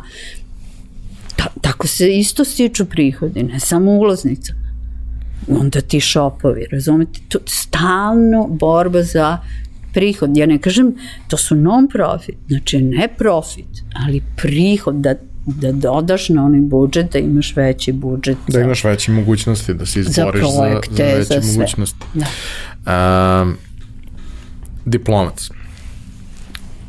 Mnogi od nas uh, koji ovo slušaju sad se sećaju estetike uh, predstave i cele kampanje koja je trajala, mm. a, ali bih volao da, da onima koji, koji ne znaju sve detalje, ukratko ispričamo kako je ta, kako se ta priča desila, kako je izgledala, kako je realizovana, mm. kako je sve spakovano u, pa, u, u jedan proizvod. Evo ovako. Znači, kao što sam rekla, nas su zvali da se vratimo, bili smo svi u Americi, Ulik Sneđan i ja, I Alisa mi se javila i rekla, jo, srela sam Bradića koji je tad bio uh, direktor Beogradskog dramskog i on kaže, možda bi bilo lepo da obnovite Zapali me, to je bila jako uspešna predstava, pa vas isti tim, da. Znaš sam ja rekla, nešto, Alisa, ne mislim, ajde, vidjet ćemo, razmislit ćemo. Onda sam popričala sa Snežanom i Ulijom, smo rekao, znaš šta, mi smo drugi ljudi, ostali, mislim, glupo je da sad radimo ono što smo radili, ta predstava treba da ostane, neka radi neko drugi, treba da ostane u sećanju ono što je bilo. Ali rekao, mogli bismo nešto drugo da uradimo. Da ovaj, pokažemo neki novi model produkcije. Znači da napravimo Broadwayski, taj limited run. Limited run je ono što sam pomenula kad predstava se igra recimo mesec dana, tri meseca. To se obično radi u repertorskim pozorištima ili na Broadwayu kada igraju zvezde koje su jako zauzete, recimo I onda odrade Pacino, neko vreme. odrade dva meseca i posle ih neko zameni i to je to to je limited run. Znači, ne mogu oni sad da igraju kao, ne znam, Phantom u operi 20 godina jednu ulogu. To su veliki glumci, ja? I, ovaj, ali šta? Čuveno pitanje, ali šta da radim? To je ključ. I sad, pasti, to je bilo pre Medmena. Ovaj, ne znam kako se kod nas preveli. Momci, momci sa Medisona. Sa Medisona, da. Potpuno pre, ali ne mnogo pre. I šta se desi, ovaj, izašla jedna kampanja Apple-ova, znači ono što sam rekla, morate, ako ste dobar kustos, dobar, vi morate da slušate i gledate sve oko sebe da biste videli trend. I ovaj, kampanja za one, kako se to zvalo? iPod, za one slušalice bele. One slušalice i tipovi koji su potpuno, to je bilo totalno 60s estetika, ono, jarke boje, oni kao u nekim siluetama. Pa prvi put bele slušalice, da, to je ključna stvar. jako je delovalo u tom 60s. I ja odem u New York, nekam da posjetim, I onako šetam sohom i vidim, i sad vidim u svim ranjima nameštaj sve onako malo redizajniran 60s. Kao u Madmanu, znači 60s ali malo pomeren, ja? Kao to žuto, naranđasto, zeleno, malo kao ove vaša, vaše prostorije, te jake boje, to je baš 60 estetika. I kažem, vidi, vidi, 60s, to je nešto, je se vraća, nešto je to sad, interesantno, možda bi nešto mogli, a opet sam tražila nešto što bi Snežana igrala glavnu ulogu, znači to su mi zadaci, da nađem šta da se igra i da ima uloga za Snežanu, jer ona deset godina nije bila u, u Beogradu i da to bude njen povratak, znači da ona ima centralno mesto.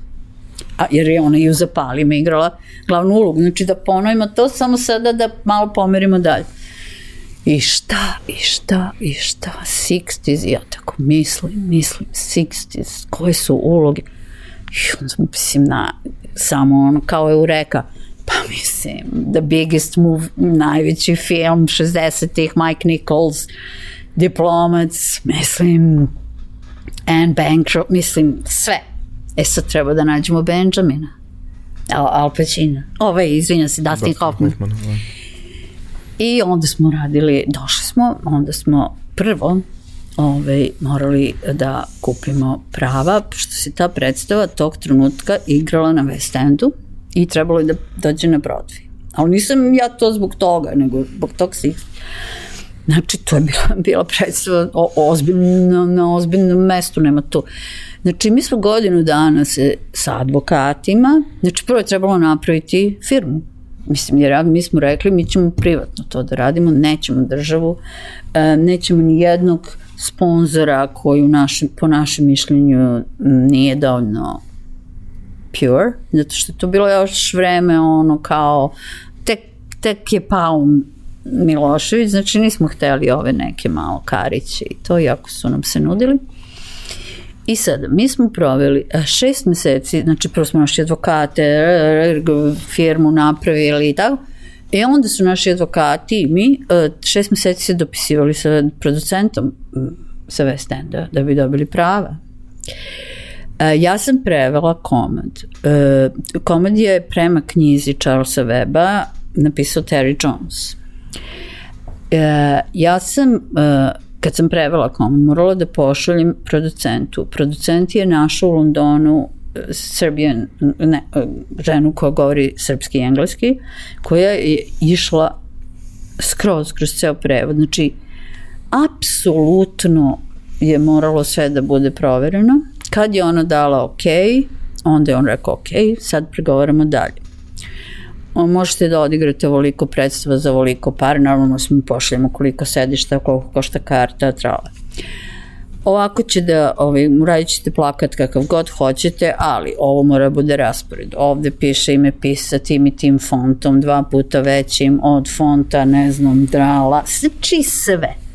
Sve do detalja. U toku proba ne smete da izbacite niti jednu reč bez dogovora sa piscem ili sa mnom. Sa re, jer uh, u Americi i Engleskoj u pozorištu pisac je Bog.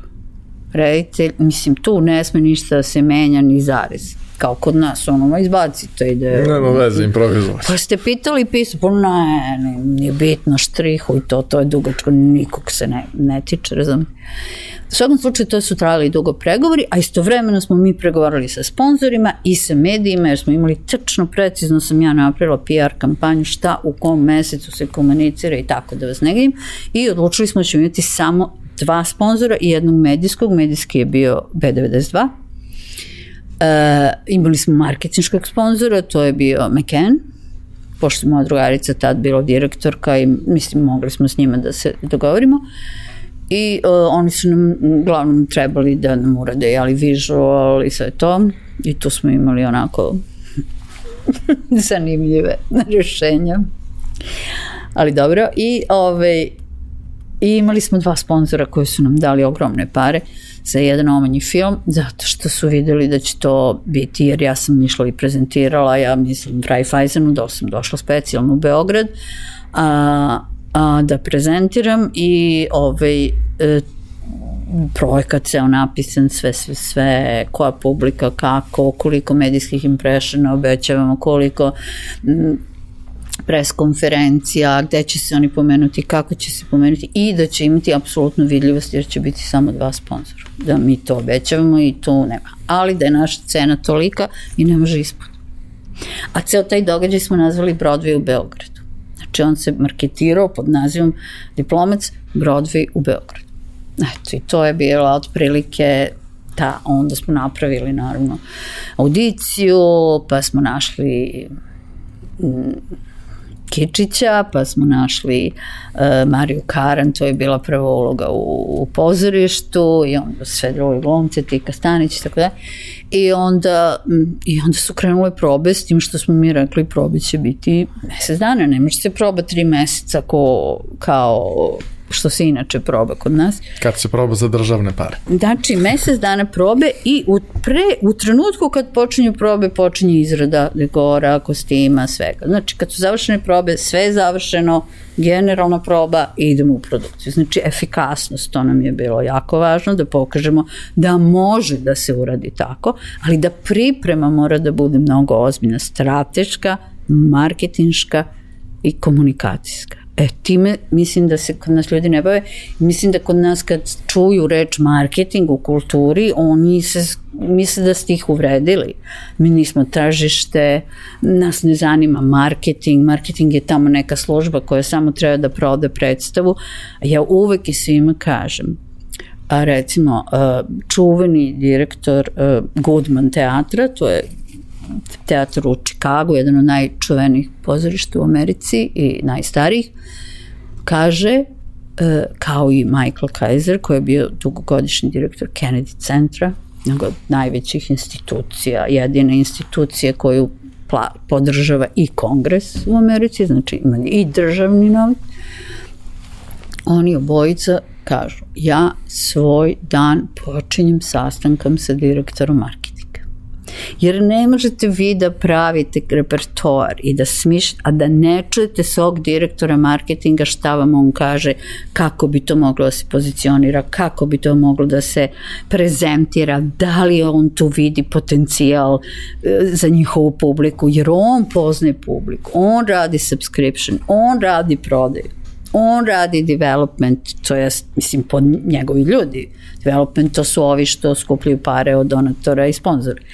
E, oni kažu, ja počinjem dan, znači to Michael Kaiser koji je vodio najveću instituciju kulture, ovaj Lincoln Center, Kennedy, Metropolitan, to su.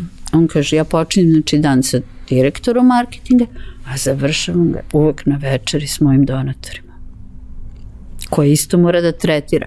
Koji isto, on ima spisak, ja sam bila, ja sam završila njegove kurse, on ima spisak, mislim, njegov direktor marketinga i on, spisak rođendana svih njegovih onih, to je kao producer, to su one little, little rich ladies, koje daju velike pare, on ima sve, to se šalje cveće, to se čestita rođendan, to se pazi.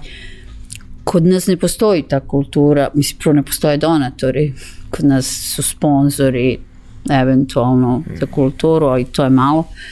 A hoću kažem, ta svest da, da, da, da institucija kulture počeva na ta tri, odnosno četiri segmenta, a to je program, marketing, publika i fanice, donatori. Eto. Ne postoje donatori, to je, to je definitivno, ali isto tako niko nije ni pitao.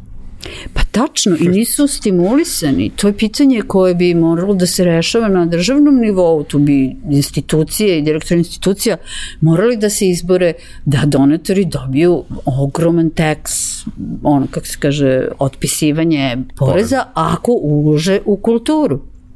Isto tako, e, zašto u našim upravnim odborima, ja sam sad član jednog upravnog odbora u, u Narodnom pozorištu, zašto u našim upravnim odborima niko nije nikad pozvao jednog biznismena uspešnog, ali ne znam sad, da ne pominjem imena, možda bi to njemu bilo zabavno, možda bi mu bila čast, možda bi pomogao, znate kako funkcionišu bordovi na, e, u, na zapadu, znači non-profitnih institucija, vi imate board koji upravlja, koji postavlja upravnik i tako dalje, ali je, tu su ljudi, biznismeni, na primjer, predsednik um, upravnog odbora uh, Kennedy centra je David Rubenstein, jedan od najbogatijih ljudi u Americi, on je godinama pred, to je veliki posao koji on obavlja za Kennedy centar, ali znate kako je pravilo?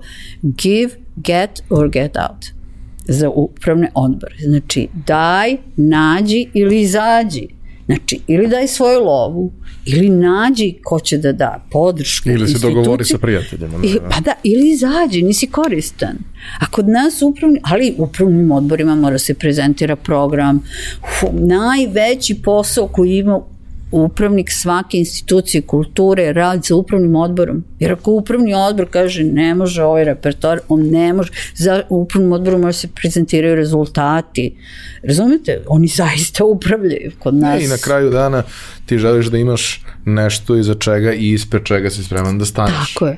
Tako Jer je. ako si spreman da staneš, ako veruješ u Tako to, je. neće ti biti problem da pozoveš svoje prijatelje Tako i kažeš, e, stvarno pokušamo da uradimo Da, nešto sjajno, tako tebi to Tako je. beznačajan novac, Tako podrži, podržavaš Tako pravu stvar. A to što kažete, kod nas nisu ni zvali biznismeni nikad ni u jednu instituciju. Možda bi neko volao da je predsednik upravnog odbora Narodnog pozorišta, možda bi mu to bila neka vrsta društvene časti. Pa posebno ljudi koji jesu bili aktivni na neki način Da. kroz, kroz da. kažemo, kulturu ili ljudi koji su možda u nekim zrelim godinama Da. kada više ne žele da se bave operativno svojim poslovanjem na nekom višem nivou.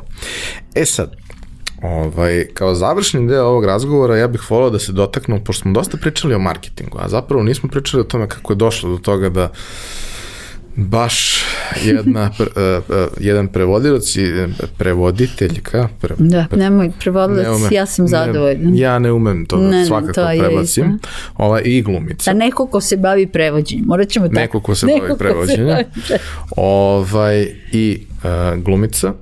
Uh, ima i karijeru u marketingu. I to u marketingu u jedno, ok, jako teško vreme, ali sa jednom ekipom ljudi koja je suštinski izgradila sve ono što, što danas imamo i postavila neke osnove zbog kojih i u svetu se povremeno neko seti da su bili neki sjajni ljudi u Srbiji i Jugoslaviji i radili neke sjajne stvari. Kako je došlo do toga da uh, nakon uh, tih aktivnosti u, u, u Narodnom pozorištu pre U ove neke, dramskom, u Beograd, Beogradskom da. dramskom. A, pre ove, da kažemo, privatne, producentske, ozbiljne karijere, bude taj jedan deo aktivnosti u marketingu. Pa opet sticajem okolnosti. Ja sam radila u pozorištu Dragan Sakan koji je vlasnik tada bio agencije SMS Sači and Sači, Bates, da kažemo celo ime kako je tada bilo, Ove, je dolazio, mi smo se znali onako usputno iz grada, dolazio na predstave i njemu se jako dopalo to što sam uradila sa zapalim, taj spot, taj, taj jedan drugi način komuniciranja kulture, na jedan moderni, za Ako je mlad. nekom to moglo da se dopadne, moglo je da se dopadne Saki. Da, Sakim je se to dopalo, a ja sam bila uvek fascinirana Sačijem jer oni su radili i za telje, pa sam ja dolazila tu na neke prezentacije da vidim, oni su radili vizualni identitet, novi atelje, ja s- pre mnogo godina i tako.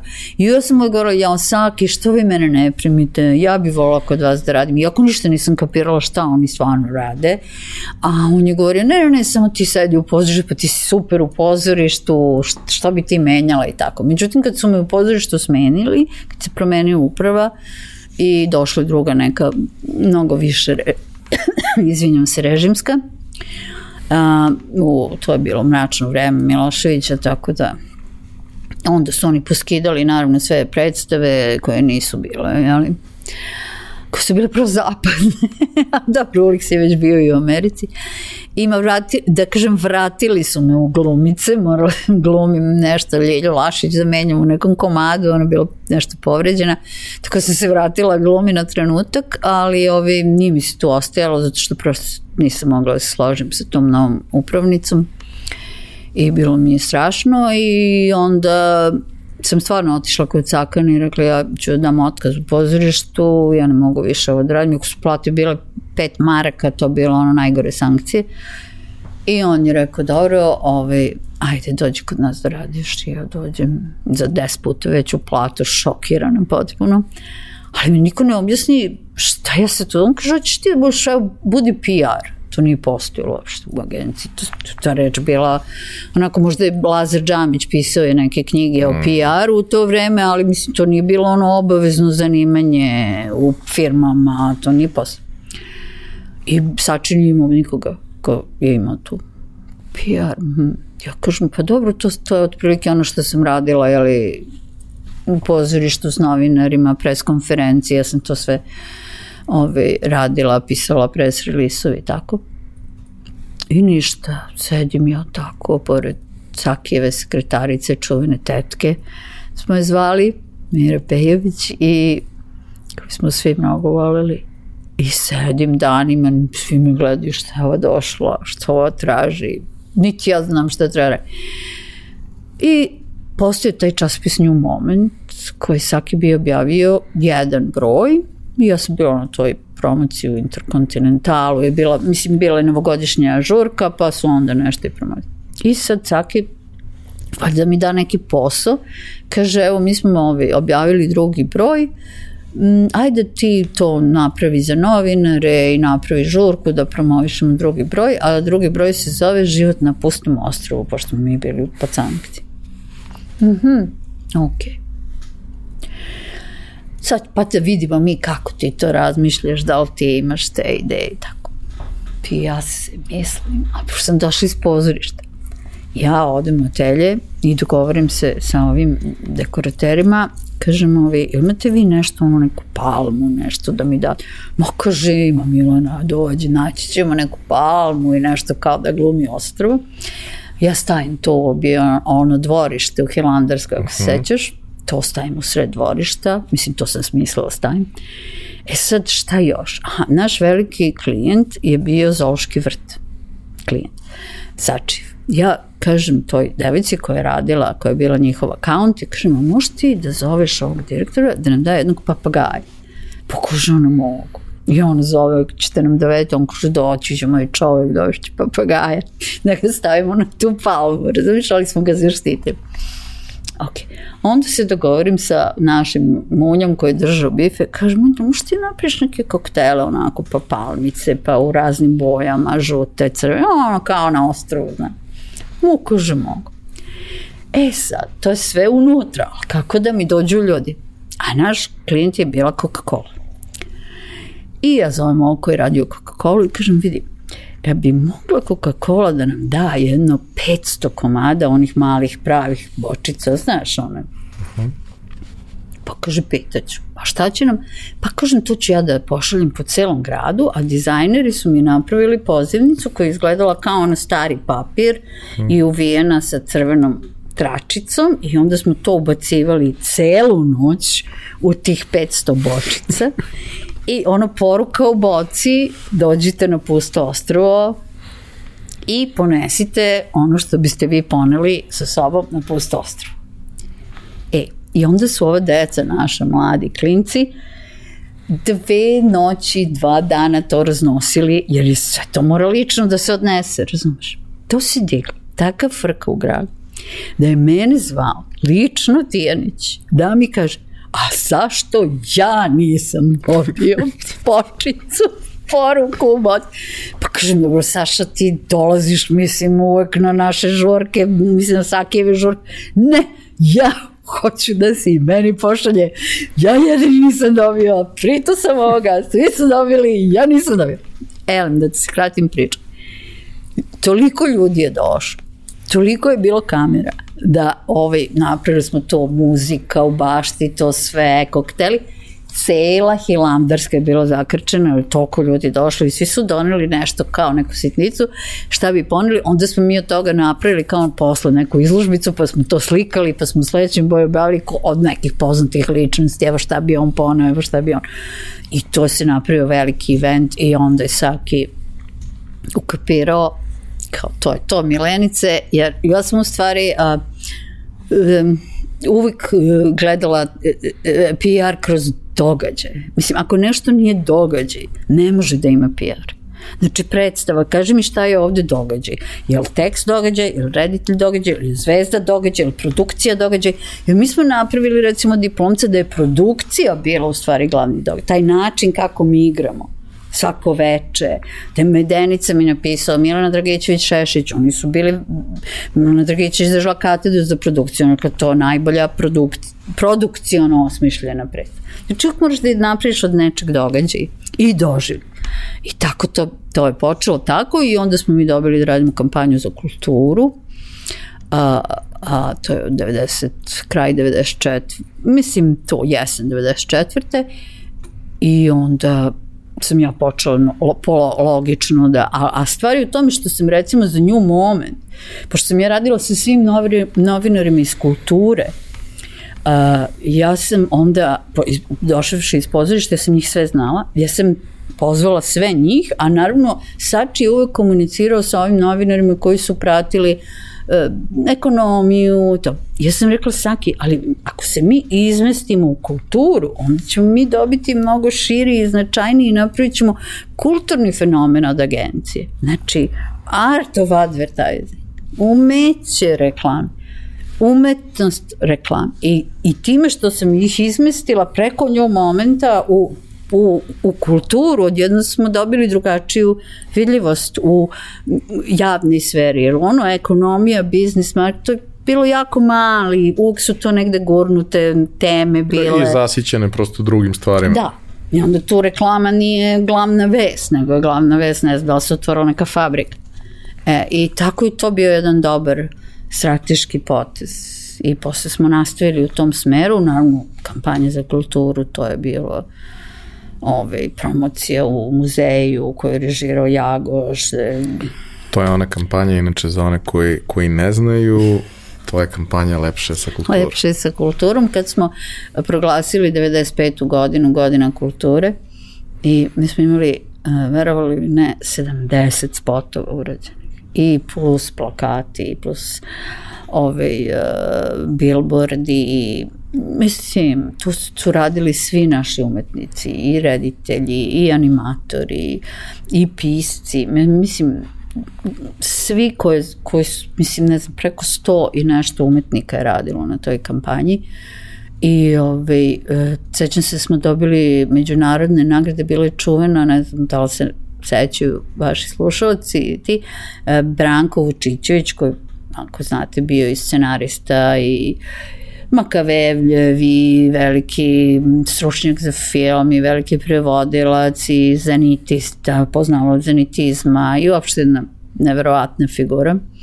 On je ovaj, napravio sa m, Slajem, ja mislim, Slavimirom jedan, jednu video i plakate, ono, bila je krava, bila je ovca i ne znam ko je bio treći, da li magarac ili pa, i onda piše ovako. Uh, it's better, mislim na engleskom, it's better with culture, kao lepše sa kulturom ili na engleskom bolje sa kulturom i ovca nacrtana, ovca, ovčica gleda, gleda, gleda i samo kaže be i ten ili mu krava i onda te su dobile na svim festivalima kao ne znam, to je bilo potpuno absurdno, mislim, totalno u Vučićevićevom fazonu. Uh, Tirke radio Učićević, dizajneri, već naši, ovi čuveni Miloš Ilić. Mislim, svi su uživali radeći tu kampanju. Uživali, zato što su imali fantastičan brief, znači brief je bio jedna knjiga praktično, da, da bismo mi došli do tog do te suštine, šta se treba da se pokrije, jer mi smo imali kultura ponašanja, kultura govora, kultura odevanja, sve to bilo pokriveno. Znači mi smo dugo radili strategiju, ja sam radila sa Sandom Parezanović, koja je sad direktor Coca-Cola, a tad je bila strateg u u, odnosno planer se to zvalo, znači on psiholog, ona je radila istraživanje, ja sam s njom to radila jer sam znala m, publiku, imala sam kontakte sa institutom i tako dalje. To se vrlo ozbiljno radila strategija. I kad smo napravili celu strategiju i sve rekli, naravno ko je smislio slogan, najveći mag marketinga i advertisinga u stvari kod nas, Dragan Sakan, koji je samo slušao, slušao šta mi pričamo i ovo treba i ono treba. I on kaže, Hmm. Jednostavno, lepše je sa kulturom. Mislim, to je genijalan slogan. Mislim, jedan od najboljih slogana posle onoga ovo iz Coca-Cola koji je genijalan. I, ove, I onda smo mi sa tim briefom, jeli, ovaj, napravili naši copywriteri ili ti umetnici iz New Momenta mi znamo i New Moment služi u stvari da imamo i umetnike koji rade New sa agencijom. New je u tom trenutku časopis. Danas je New Moment brand yes, koji, brand. koji stoji On je uvek bio samo brand on jeste bio časopis kao predmet, on je bio božanstveni predmet koji svako želao da posjeduje, pošto je bio dizajniran, mislim to je bio uh, Jovan Čekić je bio urednik, Branko Vučićević, Tirke, a mislim dizajneri su bili Slaj, Miloš, naši najbolji dizajneri, to je napravljen bio savršeni predmet. I brand. I imao je fantastične promocije i fantastične projekte neke koje su umetnici radili. On je okupljio sve vizualne umetnike tada, relevantne, ne znam, talent, ne znam, Mrđan Bajić. Svi su oni radili za nju moment. Um, kunst, ovi istoričari umetnosti kao Branko Anđelković koja je posle bila direktor Muzeja savremene umetnosti, uh, Branko Dimitrijević, Dejan Sretenović koji je bio naš, koji je jedan naših najvećih kustosa sad u Švedskoj. Ove, znači, svi ti umetnici su radili za nju moment u tom trenutku kad nije bilo leba da se jede, mislim, sankcije, pogotovo ti moderni vizualni umetnici, mi smo davali prilično dobre i uredne honorare, to jest sači, znači oni su stvarno mogli neke pare da dobiju kroz taj nju moment, imali su neke interesantne projekte, recimo za godinu filma, mi smo dali da Marija Dragojlović i tako svi ti naši poznati umetnici naprave svo, omaž filmu kroz neki svoju fotografiju, rad, instalaciju koju smo mi slikali i tako da. Ja sam bila samo managing editor koja sam ono rukovodila svim time i bila sam PR direktor komunikacijski. I od tog božanstvenog predmeta koji svako hteo da posjeduje, prosto divno izgledaju, imaju divne ove, ovaj, i, i ilustracije i dizajn i fotografije sve, on je postao brand. I ja ću da vam kažem, to je časopis koji su svi želi da posjeduju, niko nikad nije kupio. Znači, nijedan jedni broj nije prodat i niko nikad nije pročitao čak ni autori. Ali je napravljen brand i predmet i kroz njega se, uh, kako kažem, komuniciralo uh, duh agencije i posle smo pravili izložbe i projekte, posle kampus u Piranu, New Moment Ideas Campus i sad agencija. Eto, to je snaga brenda. U tom trenutku uh, je neko vrlo komplikovano i teško vreme i uh, agencija je deo velikog međunarodnog lanca, najvećeg brenda u advertisingu Absolutno, u tom da. trenutku na, na, na svetu. Sači, yes. Uh, I ovde postoje neki kreativni ljudi koji rade neke sjajne stvari, ali mislim mi smo suštinski nepreterano interesantno tržište bilo kome, jer tržište kao tržište nije ni postojalo u tom trenutku, ali prosto kao deo ovaj, sistema ti si negde prisutan u svim aktivnostima. E, kako je londonska centrala shvatila da postoje neki ljudi ovde i dala im malo više pažnje?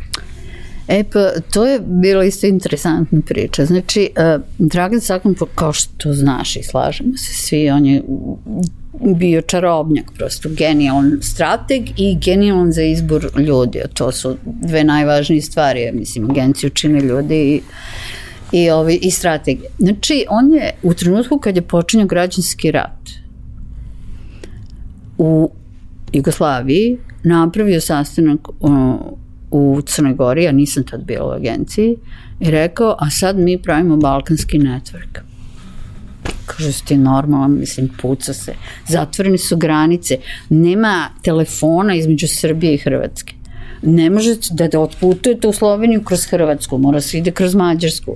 E, ne rade faksovi između, znači telefonske veze su odmah bile prekinute kad je počeo rat između Srbije, Hrvatske, Slovenije i tako da u, u šoku, svi kao, kak, ne, mi sad pravimo balkanski network. I on je napravio Sačin, Sači Balkan. Otvorio ofis u Zagrebu, otvorio ofis u Ljubljani, otvorio ofis u Bugarskoj i u Skoplju. Posle smo iz Skoplja radili i Albaniju, Tiranu. To je bilo prvo absurdno, paradoksalno, neočekivano, kontraindikovano, ali genijalno. E sad, u Beogradu nema klijenata, pošto su potpune sankcije, znači prazni su rafovi, nema, strani klijenti ne smiju da dođu, ali oni dolaze u Bugarsku, dolaze u Sloveniju, dolaze u Hrvatsku. A mi u Beogradu imamo umetnike okupljene oko nju momenta, najbolje dizajnere, mislim, to je bilo čudo. Ta agencija je bilo čudo. Svako ko danas nešto znači. U biznisu advertisinga, mislim, ili je kreativno, mislim, najveća imena, kao što je Slavimir Stojanović, kao što je Miloš Ilić, vlasnici agencija, ne znam, Miša Lukić koji ima Olio Burnett, sad ima svoj strategic marketing, um, koji je bio veliki regionalni direktor, s tim ljudi u, u, u, u Sarajevu, Bojan Hadži Halilović, veliki dizajner. Mislim da ne nabrijem svi koji su najveće imena, pa čak i, i u biznisu kao što je Đilas, Šaper i tako da, svi su, Bota, Miljković, Tucko, svi su oni bili u jednom trenutku u Sarajevu.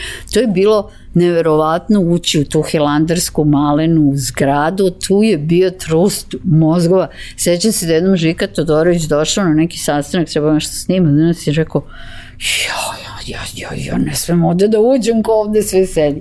Kad ti uđeš u hodnik i piju kafu, Tirke, Branko, Slaj, to su dolazili, ne znam, svrati Goran Marković, svrati ovi novinar, svrati Saša ti.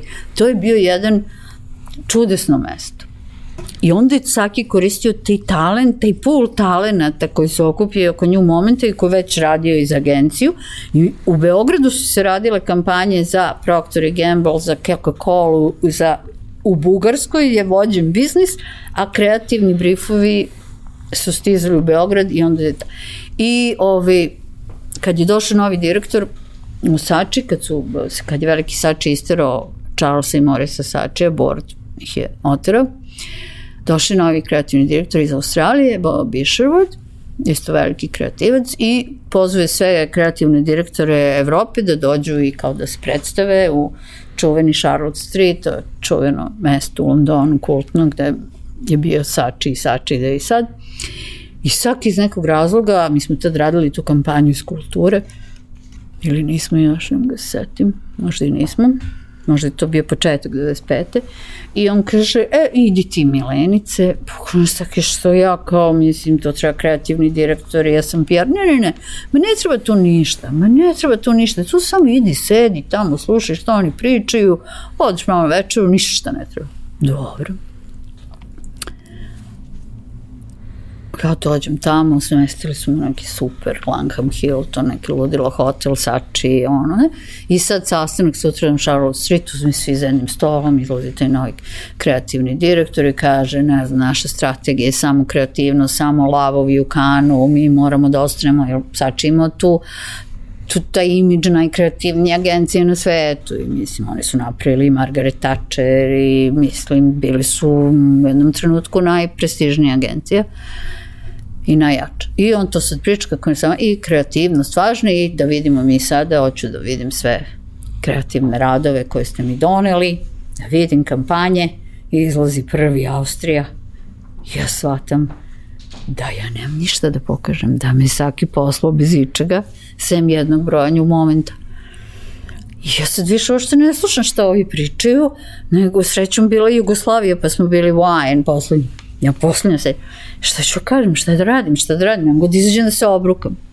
I kad je došao red mene, ja sam smislila, izašla, dan, ja sam odatle i odatle, kao što znate, ne znam, pomjenem Dragana Sakana, pokažem njegovu sliku koja je srećom bila u nju momentu, nešto.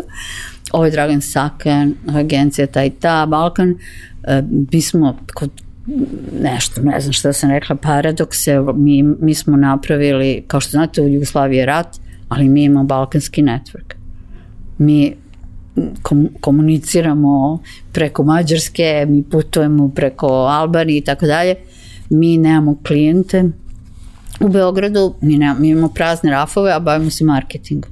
Ali mi imamo najtalentovanije ljude zato što imamo nju moment u kome rade umetnici gde smo mi spojili art i advertising tako dam neki speech kao da je to bilo u stvari moja strategija, mi nemamo šta da vam pokažemo, jer mi smo pod sankcijama, mi nemamo robu, prema tome nemamo ni kampanje. Ali imamo ovo da bismo sačuvali kreativnost, pošto je ovaj pomenuo kreativnost, da bismo sačuvali, da bismo povezali umetnike, da bi umetnici radili jednog dana i da bismo mi radimo non-profit kampanje, jer u, u nju momentu su sve bile stvarno prikazane non-profit neke kampanje koje smo radili, koje Sly radio i tako I ovi se u, u, oduše, ovi kre, kreativni direktori, kažu mi moramo da dođemo u Beograd. I stvarno su oni za šest meseci došle delegacije Charles Rita na čelu sa Isherwoodom. Oni su odmah hteli da vide nju moment, da kupe nju moment.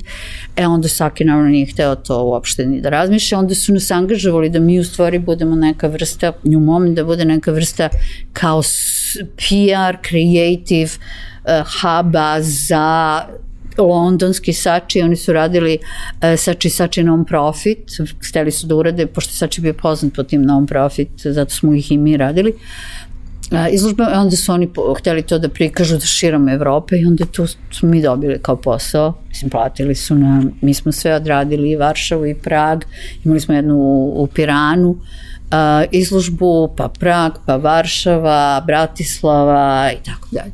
Tako da su onda oni bili potpuno su bili fascinirani i hteli su da kupe nju moment do poslednjeg trenutka su oni pregovarali čak i u vreme u vreme bombardovanja, svaki jedno vreme bio u Beogradu, onda je otišao u London i bio je u, u velikom sačiju. On je postao zvezda, e, čudo, e, o njemu se pričalo on u kanu, da je on mag, da je on, i onda smo dobijali neke nagrade, sad njegovi sinovi dobijaju u kanu nagrade takođe, prosto cele, odjednom je ceo, ceo network znao za, nje, za nas, za našu agenciju, za Beograd, onda i moj budući muž došao u Beograd kao novinar koji se bavio advertisingom, I eto tako je, ovi Saki postao stvarno najveća zvezda. Mi smo išli posle na sve kreativne sastanke koje je Šrvu držao, znači sa, sa londonskim Sačijem, išli smo u Pariz, išli smo na, u Tursku, gde god, oni su uvek menjali ta mesta. Uvek je Saki bio pozivan i uvek je vodio mene, pošto engleski mu nije bio baš tečan, i onda sam ja morala da ga zamenjujem i tako da. I išli smo u tandemu. E, mislim da smo ispričali jedan deo priče. Nismo ispričali celu.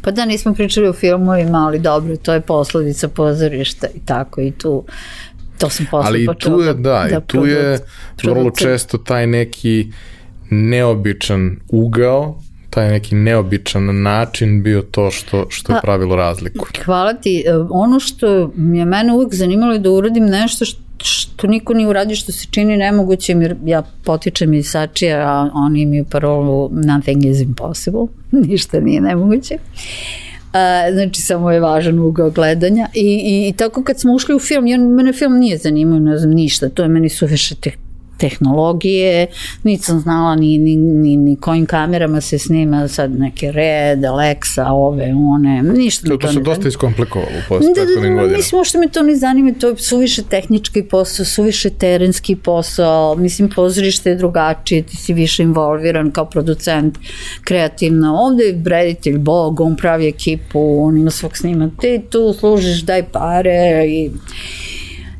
ali, ali i tu smo napravili pomak, ja mislim, zato što uh, kad uh, su Oleg i Milena su nas pozvali i ponudili nam da režiramo mene i Uliksa, Beli Beli svet, oni su znali Uliksa, radili su s njim još jedan film, a pošto to su nas pozvali zbog diplomca, kad su videli kakav smo mi uspeh napravili, koliko je to bilo publike i hajpa i to su bili headline mislim ono non stop, ono histerija zvana diplomac, tako su bili naslovi u novinama.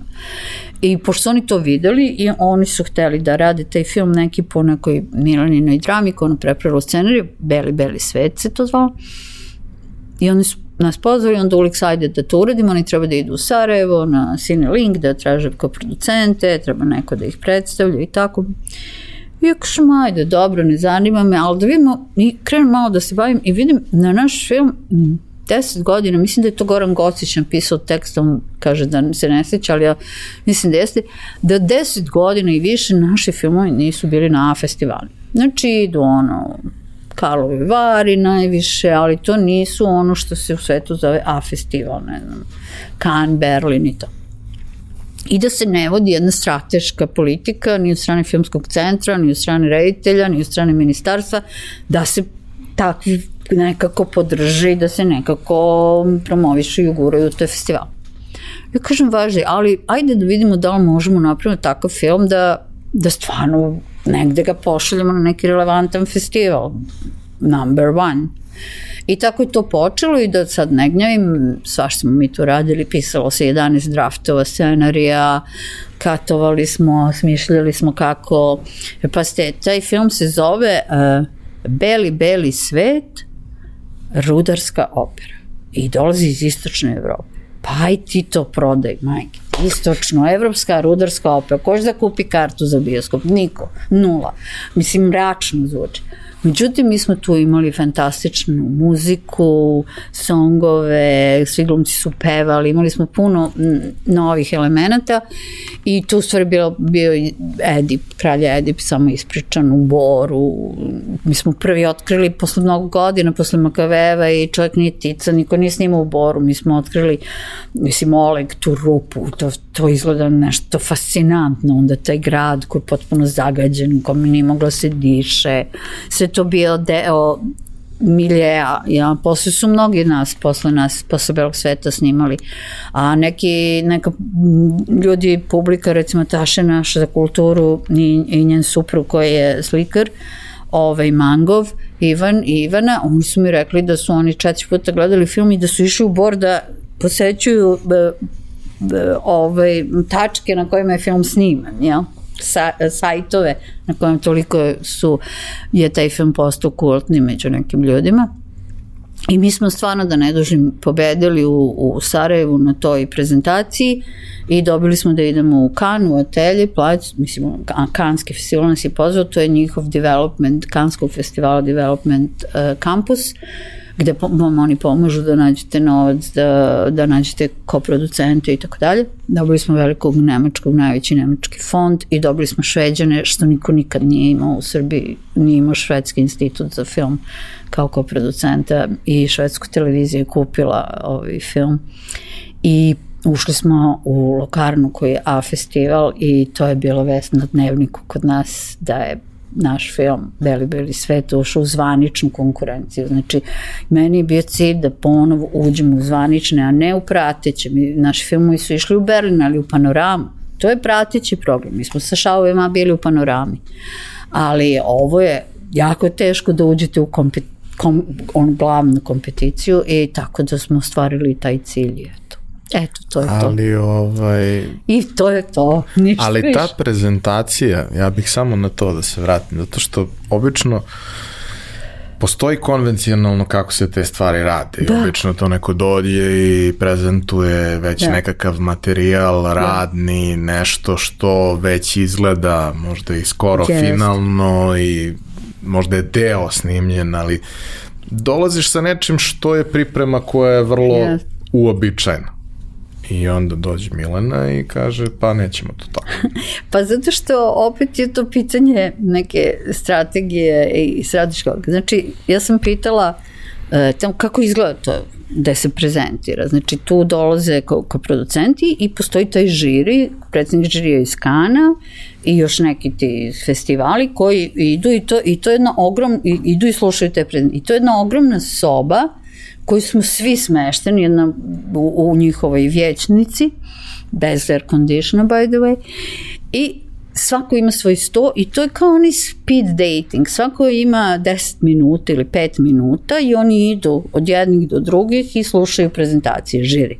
Znači tu ima 50 nas ili 100, ne sjećam se više, ali o, ogroman broj.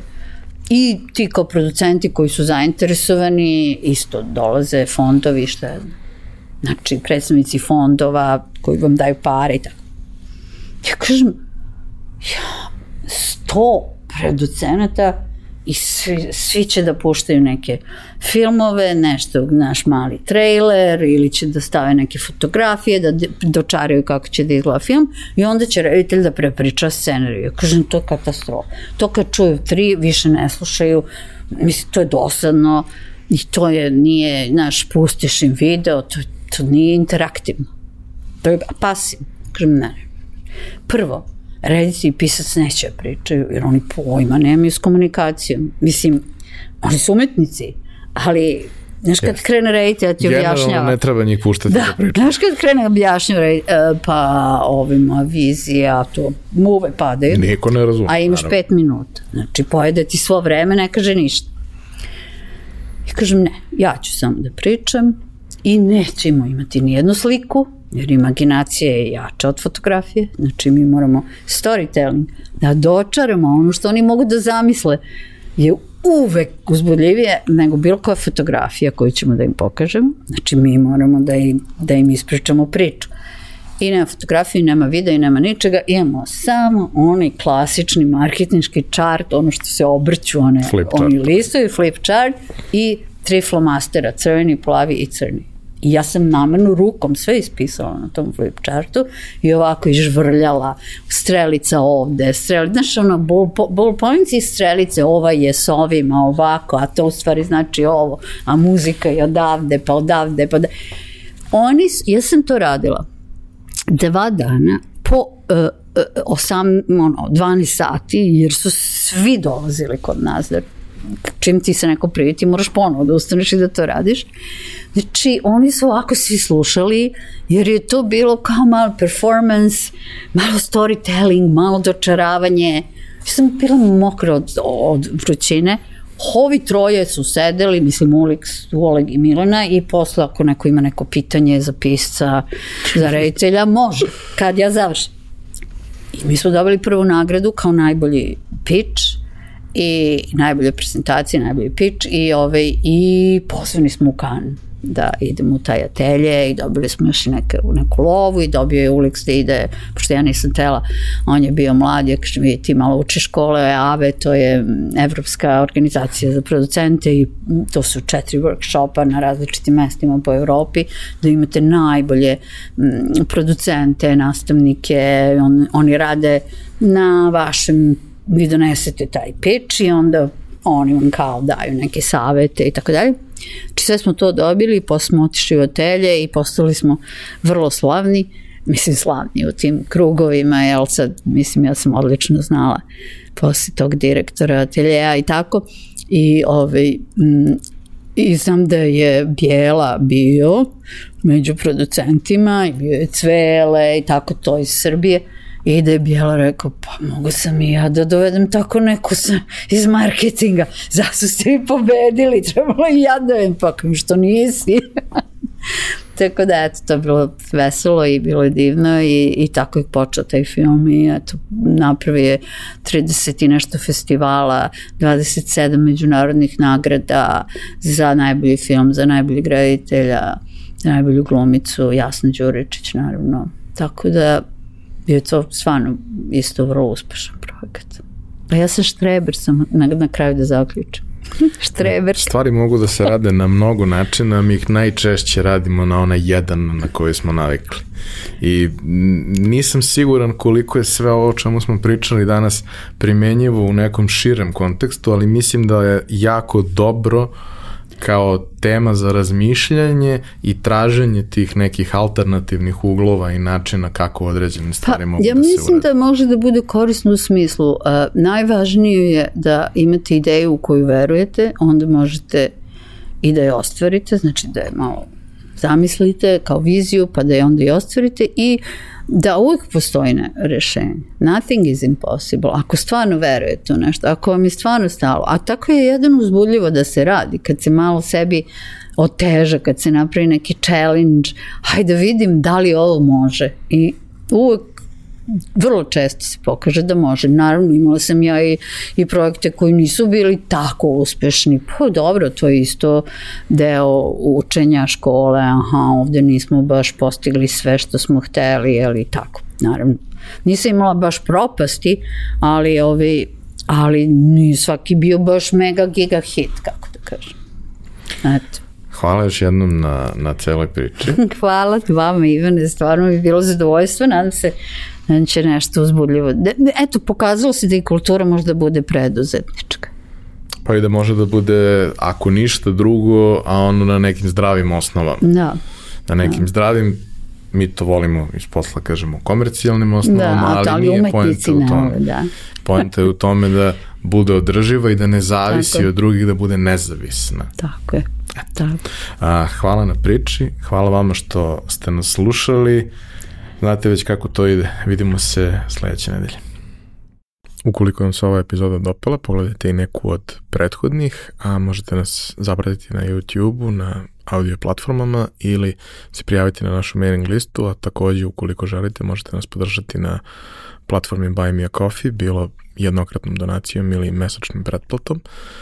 Za kraj bih se samo zahvalio još svima koji nas podržavaju, kao i našim prijateljima iz kompanije Epson koji su pomogli realizaciju ove epizode i pozvao vas da kao i do sada sve svoje predloge, sugestije i komentare ostavite na za to predviđenim mestima na društvenim mrežama i na YouTube-u, a mi ćemo ih uzeti u obzir u realizaciji narednih epizoda.